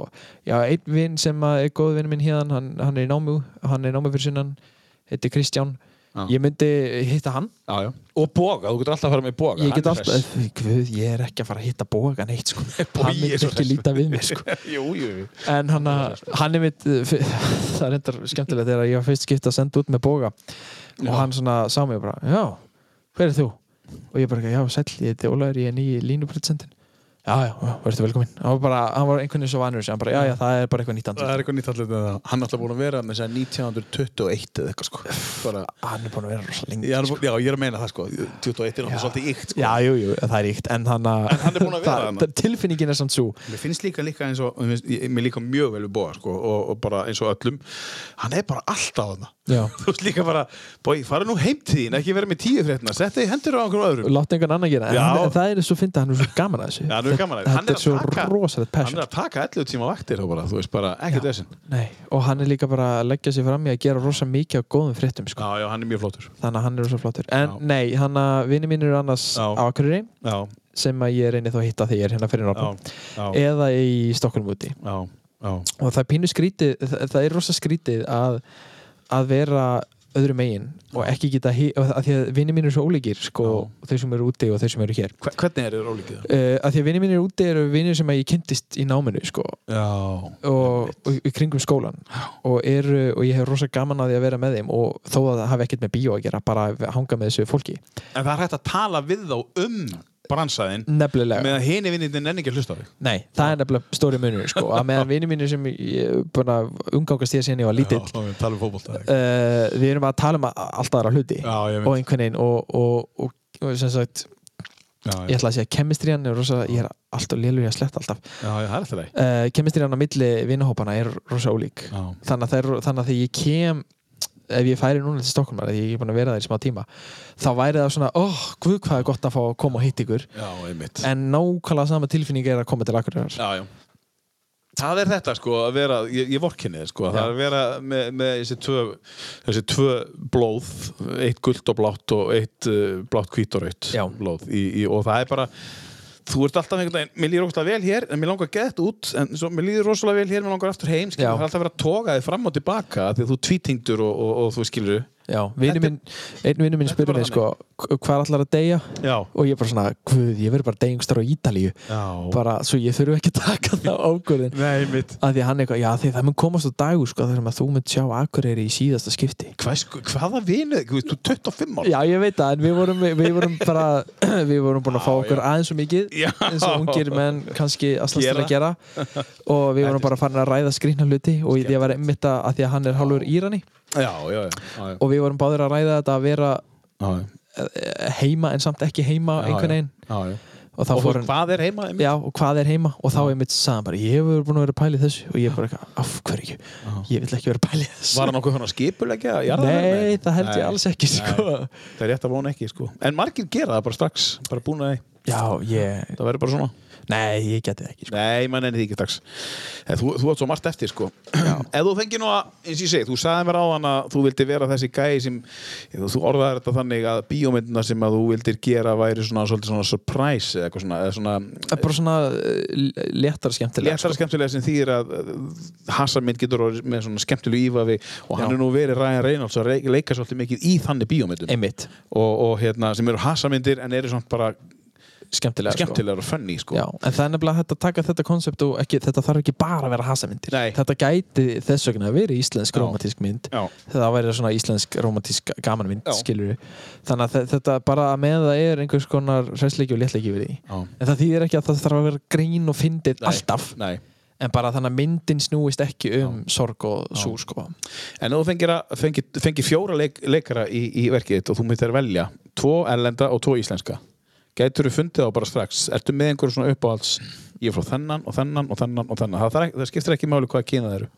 Uh, bara ég vil fá þessa tvo og þessa tvo. Þau eru tveir íslenskir og tveir erlendir. Ég held ég myndi taka Samuel L. Jackson Já, sem einn erlendi leikarnum já, uh, hef rosalega, ég, bara, ég held að svo gaman að vinna með hann uh, og svo, til, svo er ung leikona henni þetta er Anna de Armas. Já, hún er rosalega flink leikona já. rosalega dugleg og það er rosalega gaman að horfa vittul með henni af því að hún er svo létt og hress þó að hún hafi verið að leika í mynd þar sem að hún er rosalega fornlamp og myndin er rosalega erfið já. það er hún rosalega hress og skemmtilega og bara já, já, svona er þetta bara já, já. uh, er hún og- sænsk eða? Nei, hún er, hún er ég held bandarísk sko. ok uh, eða hún gæti að því að hún er að ég ætla að segja bandarísk, Já. ég veit bara ekki betur Nei, nei.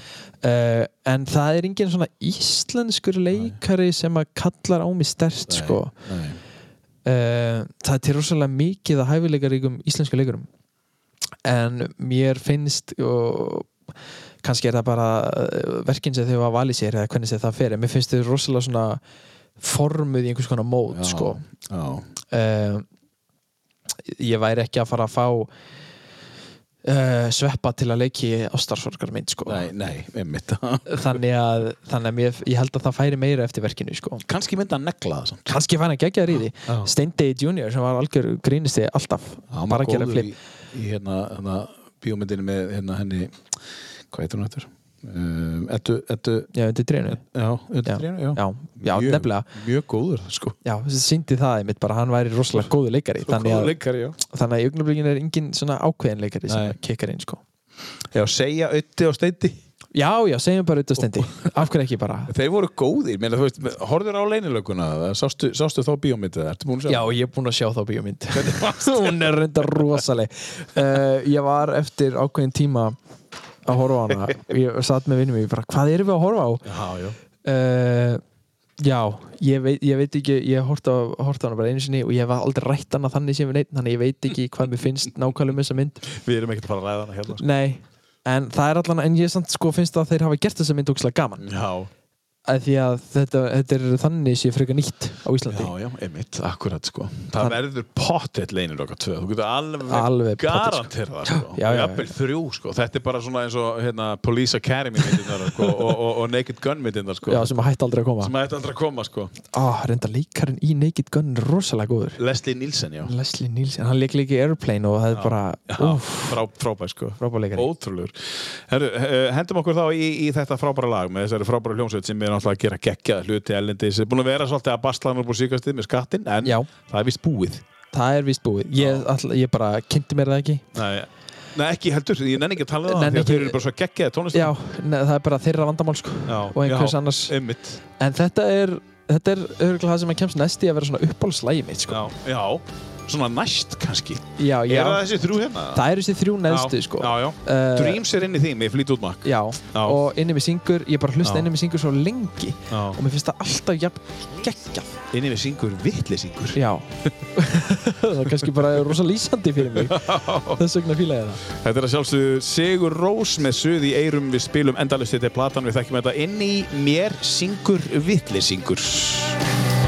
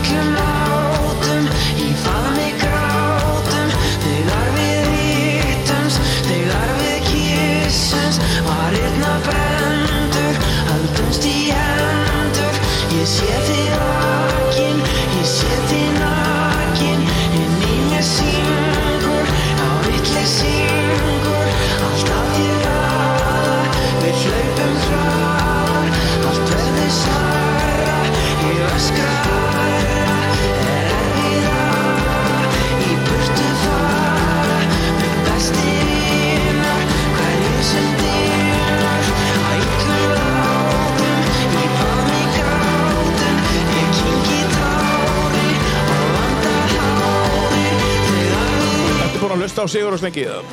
Eða eh, ertu búin að þakka allt stöfið með þeim? Uh, ég held að ég sé ekki búin að taka allt stöfið með Nei. En ég er búin að hlusta á Sigur og Slengi Já. Ég átt allt eftir. Já, eða það?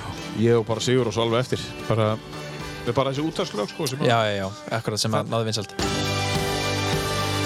Þetta er svo suttalega flott sko. Þetta er svo geggjað sko. Þannig ég þarf að, ég þarf að, ég, ég, má, ég má bæta mig þarna. Já, þú, ég bara skoraði að hlusta Sigur og kláraði En líka bara textin í lögunni þeirra rúks og bara lægið Einmitt, einmitt. Og það er fyndið, sko, Sigur og er rosa stort úti Já, einmitt, akkurat sko. Þeir er- eru sko huge úti sko. Já. Hvað eru þeir með hérna? Þeir eru með million uh, monthly listeners og það er nú bara allt í lægi sko. Uh, já, allt í lægi. Þá, það þýðir að þeir geta túrað allt árið. Já. Og unni við tónlistina það sem að, og ekki gert neitt annað heldur en það. Um, sem er alltaf bara frábært. Sem er rosa gott. Uh, Það sem að þú ætlar að gera núna Þú ætlar að vinna kvikmynd að gera það sem eftir er Þú ætlar ekki að vinna á rúf það sem eftir er. Nei, Nei ég, ætla ekki, ég ætla ekki að vinna í rúð það sem eftir er. Þá kemur spurningin. Uh, Hvernig verður veturinn uh, og haustið? Ég veit að þú verður á rúf og allt það. Hvenær kemur fyrsta bíómyndin með þér út? Í fullir eða hálfur lengd eða í, Já, einmitt, í fullri lengt Það er nefnilega það sem er svona þægilegt við þess að vinna í hjá rúð sko, er að ég skaut mér beint inn í hjartað á íslenskri kvikmyndamenningu þannig Já. Uh, það þekki allir alla Ísland er ekki stór uh, bransin er ekki stór á Íslandi Nei. það, veit allir hverju allir eru Já. uh, ég er að vinna bara sem sagt, ég er að vinna mjög náið með Gauður sem að gerði er búin að vinna með Batta City og gerði hana uh, Láð mér að falla Já. til dæmis og hann þekkir allan bransan uh, og þannig að ég, það var rosa, rosa hendugt fyrir mig að fá þessa vinnu og í það að ég er að vinna vaktavinnu þannig að ég er að vinna allan daginn og svo er ég þá með fullt af dögum í frí Mhm. uh, sem ég gæti verið þá að vinna að að skrifa og vera að vinna að bíómynd sem ég langar að, að gefa út Mhm. Hvenar kemur fyrsta bíómyndi mér í fullir lengt bara strax ég uh, klára handritið af henni. Uh, og get fara að hafa sambandi fólk og bara heyrði, ég er hérna með ógeðslega skemmtileg hugmynd. Eigum við ekki að gera þetta? Og ég er rauninni bara búin að gefa mér veturinn til, að, til að gera þetta sko. Vel gert. Og Það var næsta spurning. Já, einmitt, ég ætla bara einmitt að gera leifa mér að, ég leiði mér núna í september að aðlagast vinnunni og pínu koma mér aðeins fyrir Já. núna þegar það er búið þá er ekkert að fara að stoppa mig í hinnu sko. Mhm. þannig að ég ætla bara að fara að sökka mér í að reyna að skrifa og njóta þess að skrifa þessa sögu sem að ég er, ég er með hugmynd sko, sem ég Þú- langar að þú vinna ert með þessa hugmynd, já. já. Þú vera með einhverja þrjásögur eða eitthvað Já. Svo vippar á milli Er, Já. Ertu að velja núna eina þessum bara, Þetta er hún já, Og þú þarf að vinna henni núna já og ég ætla bara að klára hana eins Já. langt ég get Já. uh, Má, máttu, eitthvað gefa upp? Nei, Nei, uh, að því ég er ekki að skrifa hana alveg Nei já, ég er með, ég er með, uh, góð, með mjög góðan vinn með mér Já. sem handrið tjönd Já. við erum saman í að buggi þessu Já. og bara við báðir erum pínu bara, við ætlum ekki að gefa neitt upp fyrir en við megum fyrir bæði okkur og bara verkefnið gefa eitthvað upp sko. Þannig að þú ert að skrifa söguna og hann er að skrifa handrið fyrir bíómynd á sama tíma eða? Já, hann er meira öfugt sko Meira hann er að hjálpa, sem sagt, ég kom með söguna Já. ég kom með, þetta er, þetta er, þetta er hugmyndin Mhm. uh, og hann, ég, ég nefnilega fekk hann með mér í þetta því að hann er rosa flinkur í að búa til góðar sögur úr, úr sem sagt, að búa góð handrit út úr sögum Já. uh, og svo ætla ég þá að vera með honum í og við ætlum að bíómynd að gera þetta handrit sko. já, já, af því að það er það er meira en að segja það að búa til bíómyndahandrit og sögu sko. það þarf að funkar á að að þetta er sko sjónvarp en, eh, sjónvarp, þetta er sjónlist Mhm. uh, það er ekki þetta er svo, það sem er erfiðast við að búa til bíó og bókum Mhm. er að þú ert að getur verið að lesa heila kapla í bók sem eru hugsanir hjá einhverjum karakter Já, hvernig situr þú á skjá hugsanir Mhm. þannig að við erum saman að búa til þetta verkefni já, já. Og alltaf bara, já, eins og ég segi, bara gefa mig veturinn til að við klára þetta Þannig að þú uh, í, lokvetur sérst líklega að koma með þá einhvern nöfn sem vilja vinna með þér og eitthvað svoleiðis og, og þá það þú að vera kveikmynda Já. leikstjórinn á þessari Já. og þú ert- ertu byrjar að safna peningum og sækist þetta styrkjum Uh, nei, af því að ég get í raun ekki gert það nema ég sé með hugmyndina Já. og ég get ekki fara að tala um hugmyndina nema ég sé komin með einhvern ákveðin góðan grunn í henni Mhm. Uh, af því að ef að ég segi ef ég myndi hafa sambandi fólk og bara heyrðu, ég er hérna með ógslag skemmtilega bíómynd bara já, ertu með handrið? Nei, það er ekki, það er ekki búið ok, hvað ertu komið langt? Uh, ég er ekki komið það langt Já. Nei, ok, uh, hvað er hugmyndin? Já, hún er sirka þetta Já. bara já, heyrði í mér þegar handritið er komið Já. það er pínu skona nema, nema ég, það er einhver framleiðandi sem ég þekki rosa vel já, já. sem er enginn í augnablikinu sem að myndi bara, herri já, þetta er geggja vinda þessu og við gerum þetta eftir tvö ár Já, ég það meira núna að því ég er svo ferskur Já. og ég er svo nýtt nafn að ég það pínu bara leggja einhver grunn til að ég geti komið með Já, inn í, inn í bransan. En, en, en þessi sem að eins og til minnst bæti setja og svoleiðis og eru þeir að hjálpa þér? Uh, nei, ég hef svo sem ekki, ekki svona- þeir eru ekkert að hjálpa mér að því ég hef svo sem ekki beðið um að hjálpa sko. Ekki þessu en svona með annað. Er, er, Lærir mikið í gegnum þá með að vera Í- með þeim uh, fólki? já, bara á því að heyra hluti sko Já. heyra hvernig maður á bara til dæmis ekki koma fram með fólk það er rosalega einmitt. það er rosalega það er til rosalega vondu kultúr í þessum heimi já, já. Uh, og svo líka bara að læra tækni og við hvernig maður talar og hvernig maður talar og alls konar svona sko já, já, já. já, magnað sko þannig að, já, vera hömbul mm. Og, og kurteis Já. það, það vinnur alltaf með það, þú bara, ég hef komist lengst Já. þannig sko, bara, Já, það, einmitt. þú trúar svona því ert auðmjúkur fyrir að þú getur lært meira og verið betri. Já, en samt bara stendur með sjálflega þá kemst þú lengst sko. Og kurteis er ekkit annað en bara þú veist, kottu fram við aðra eins og þú vilt koma fram með þig því að í rauninni. Það er rauninni bara orðið við kurteis að það er að vera kurteis en kurteis er ekki að beigja sig undir annað fólk. Nei, það, nei, það er nefnilega ekki að vera kurteis sko. bara, bara alls ekki. Uh, Ólafur Jöran við erum hérna með síðasta lagið á, á, á listaninu við ætlum að spila það hérðan já. Já, þetta er nefnilega áhugavert. Já, segð okkur eins Þetta er lagið I Walk on Water með Kaljó já, já, og þetta er sem sagt sem að ég valdi að því að þetta er líka eitt af uppræðslegunum mínum. Uh, ég hl- hlusta rosalega mikið á það síðan að þessi platta kom út en Mm. ég er að valdi hérna gömlu útgáðuna það er sem sagt til tvær útgáður þessu lagi. Já, uh, gömlu útgáðan sem að kom út á plötunni er að uh, ég man ekki hvenær þessi platta kom út sem að hann að Býtu, við erum með þetta. Vaglas voru í Vaglaskói var á? Býtu, við erum með þetta hérna bara sjá, hérna. Við notum bara Spotify. Uh, platan sem að voru í Vaglaskói kom út á það, hún, hún er á þeirri plötu. Uh, og geggja lag, ótrúlega flott lag. En svo núna voru þeir að gefa út nýja plötu, ef mér skilst ekki rétt. Já, og þá breyttu þeir þessu lagi. Og, já, já. og ég veit ekki af hverju þeir voru að því. Því að mér finnst það ekki betra. Nei. En Og það trublaði svolítið. það trubla mér svolítið því að þeir eru svona og þeir eru búin að taka hitt lagið út af Spotify fyrir fyrir rosa marga. Já, sem sagt að því að að því að ég sem sagt er að borga fyrir Spotify já, með sænsku korti já. og þá er ég með sænsku útgána Spotify. Mhm. Þá finn ég ekki þessa plötu. Þú getur ekki hlustað á Ég- íslenska tónlist Nei. í gegnum sænska Spotify. Nei, þá er örgulega bara þeir sem er að sinna Kaló Já, eh, bara eru með einhvern, það er bara einhver höfundaréttsmál dæmi í Svíþjóð. Já, já. Og sem er rosalega sérstakt. Það er mjög sett að því að, að Spotify er náttúrulega bara höfustöður í Stokkólmi Já, og er sænsk hugmynd. Já, og líka bara notað bara rosa stort alþjóðlegt þannig að ég skil ekki já. af hverju þetta er eitthvað stoppað þar. Nei, en þá valdi ég þessu dúaði að því mér finnst hún betri. Já.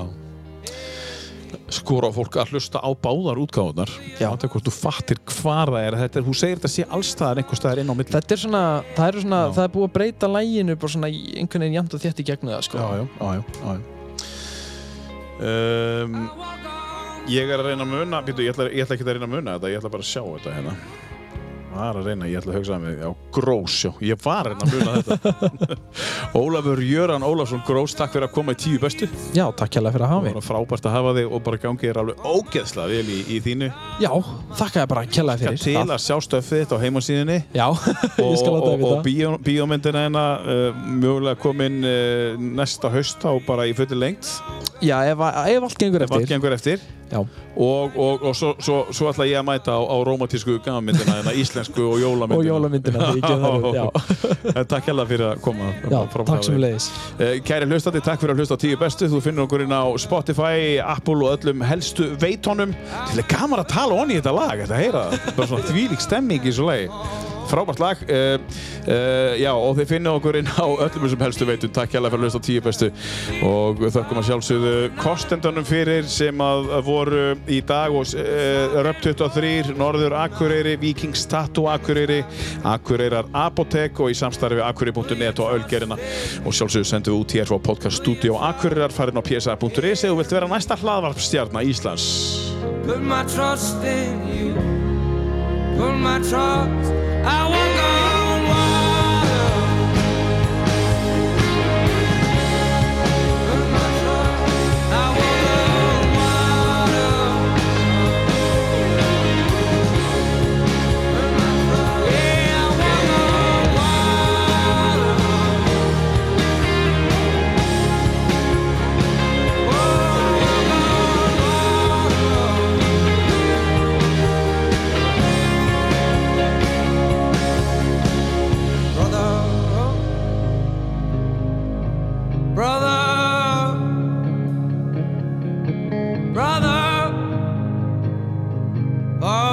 yourself.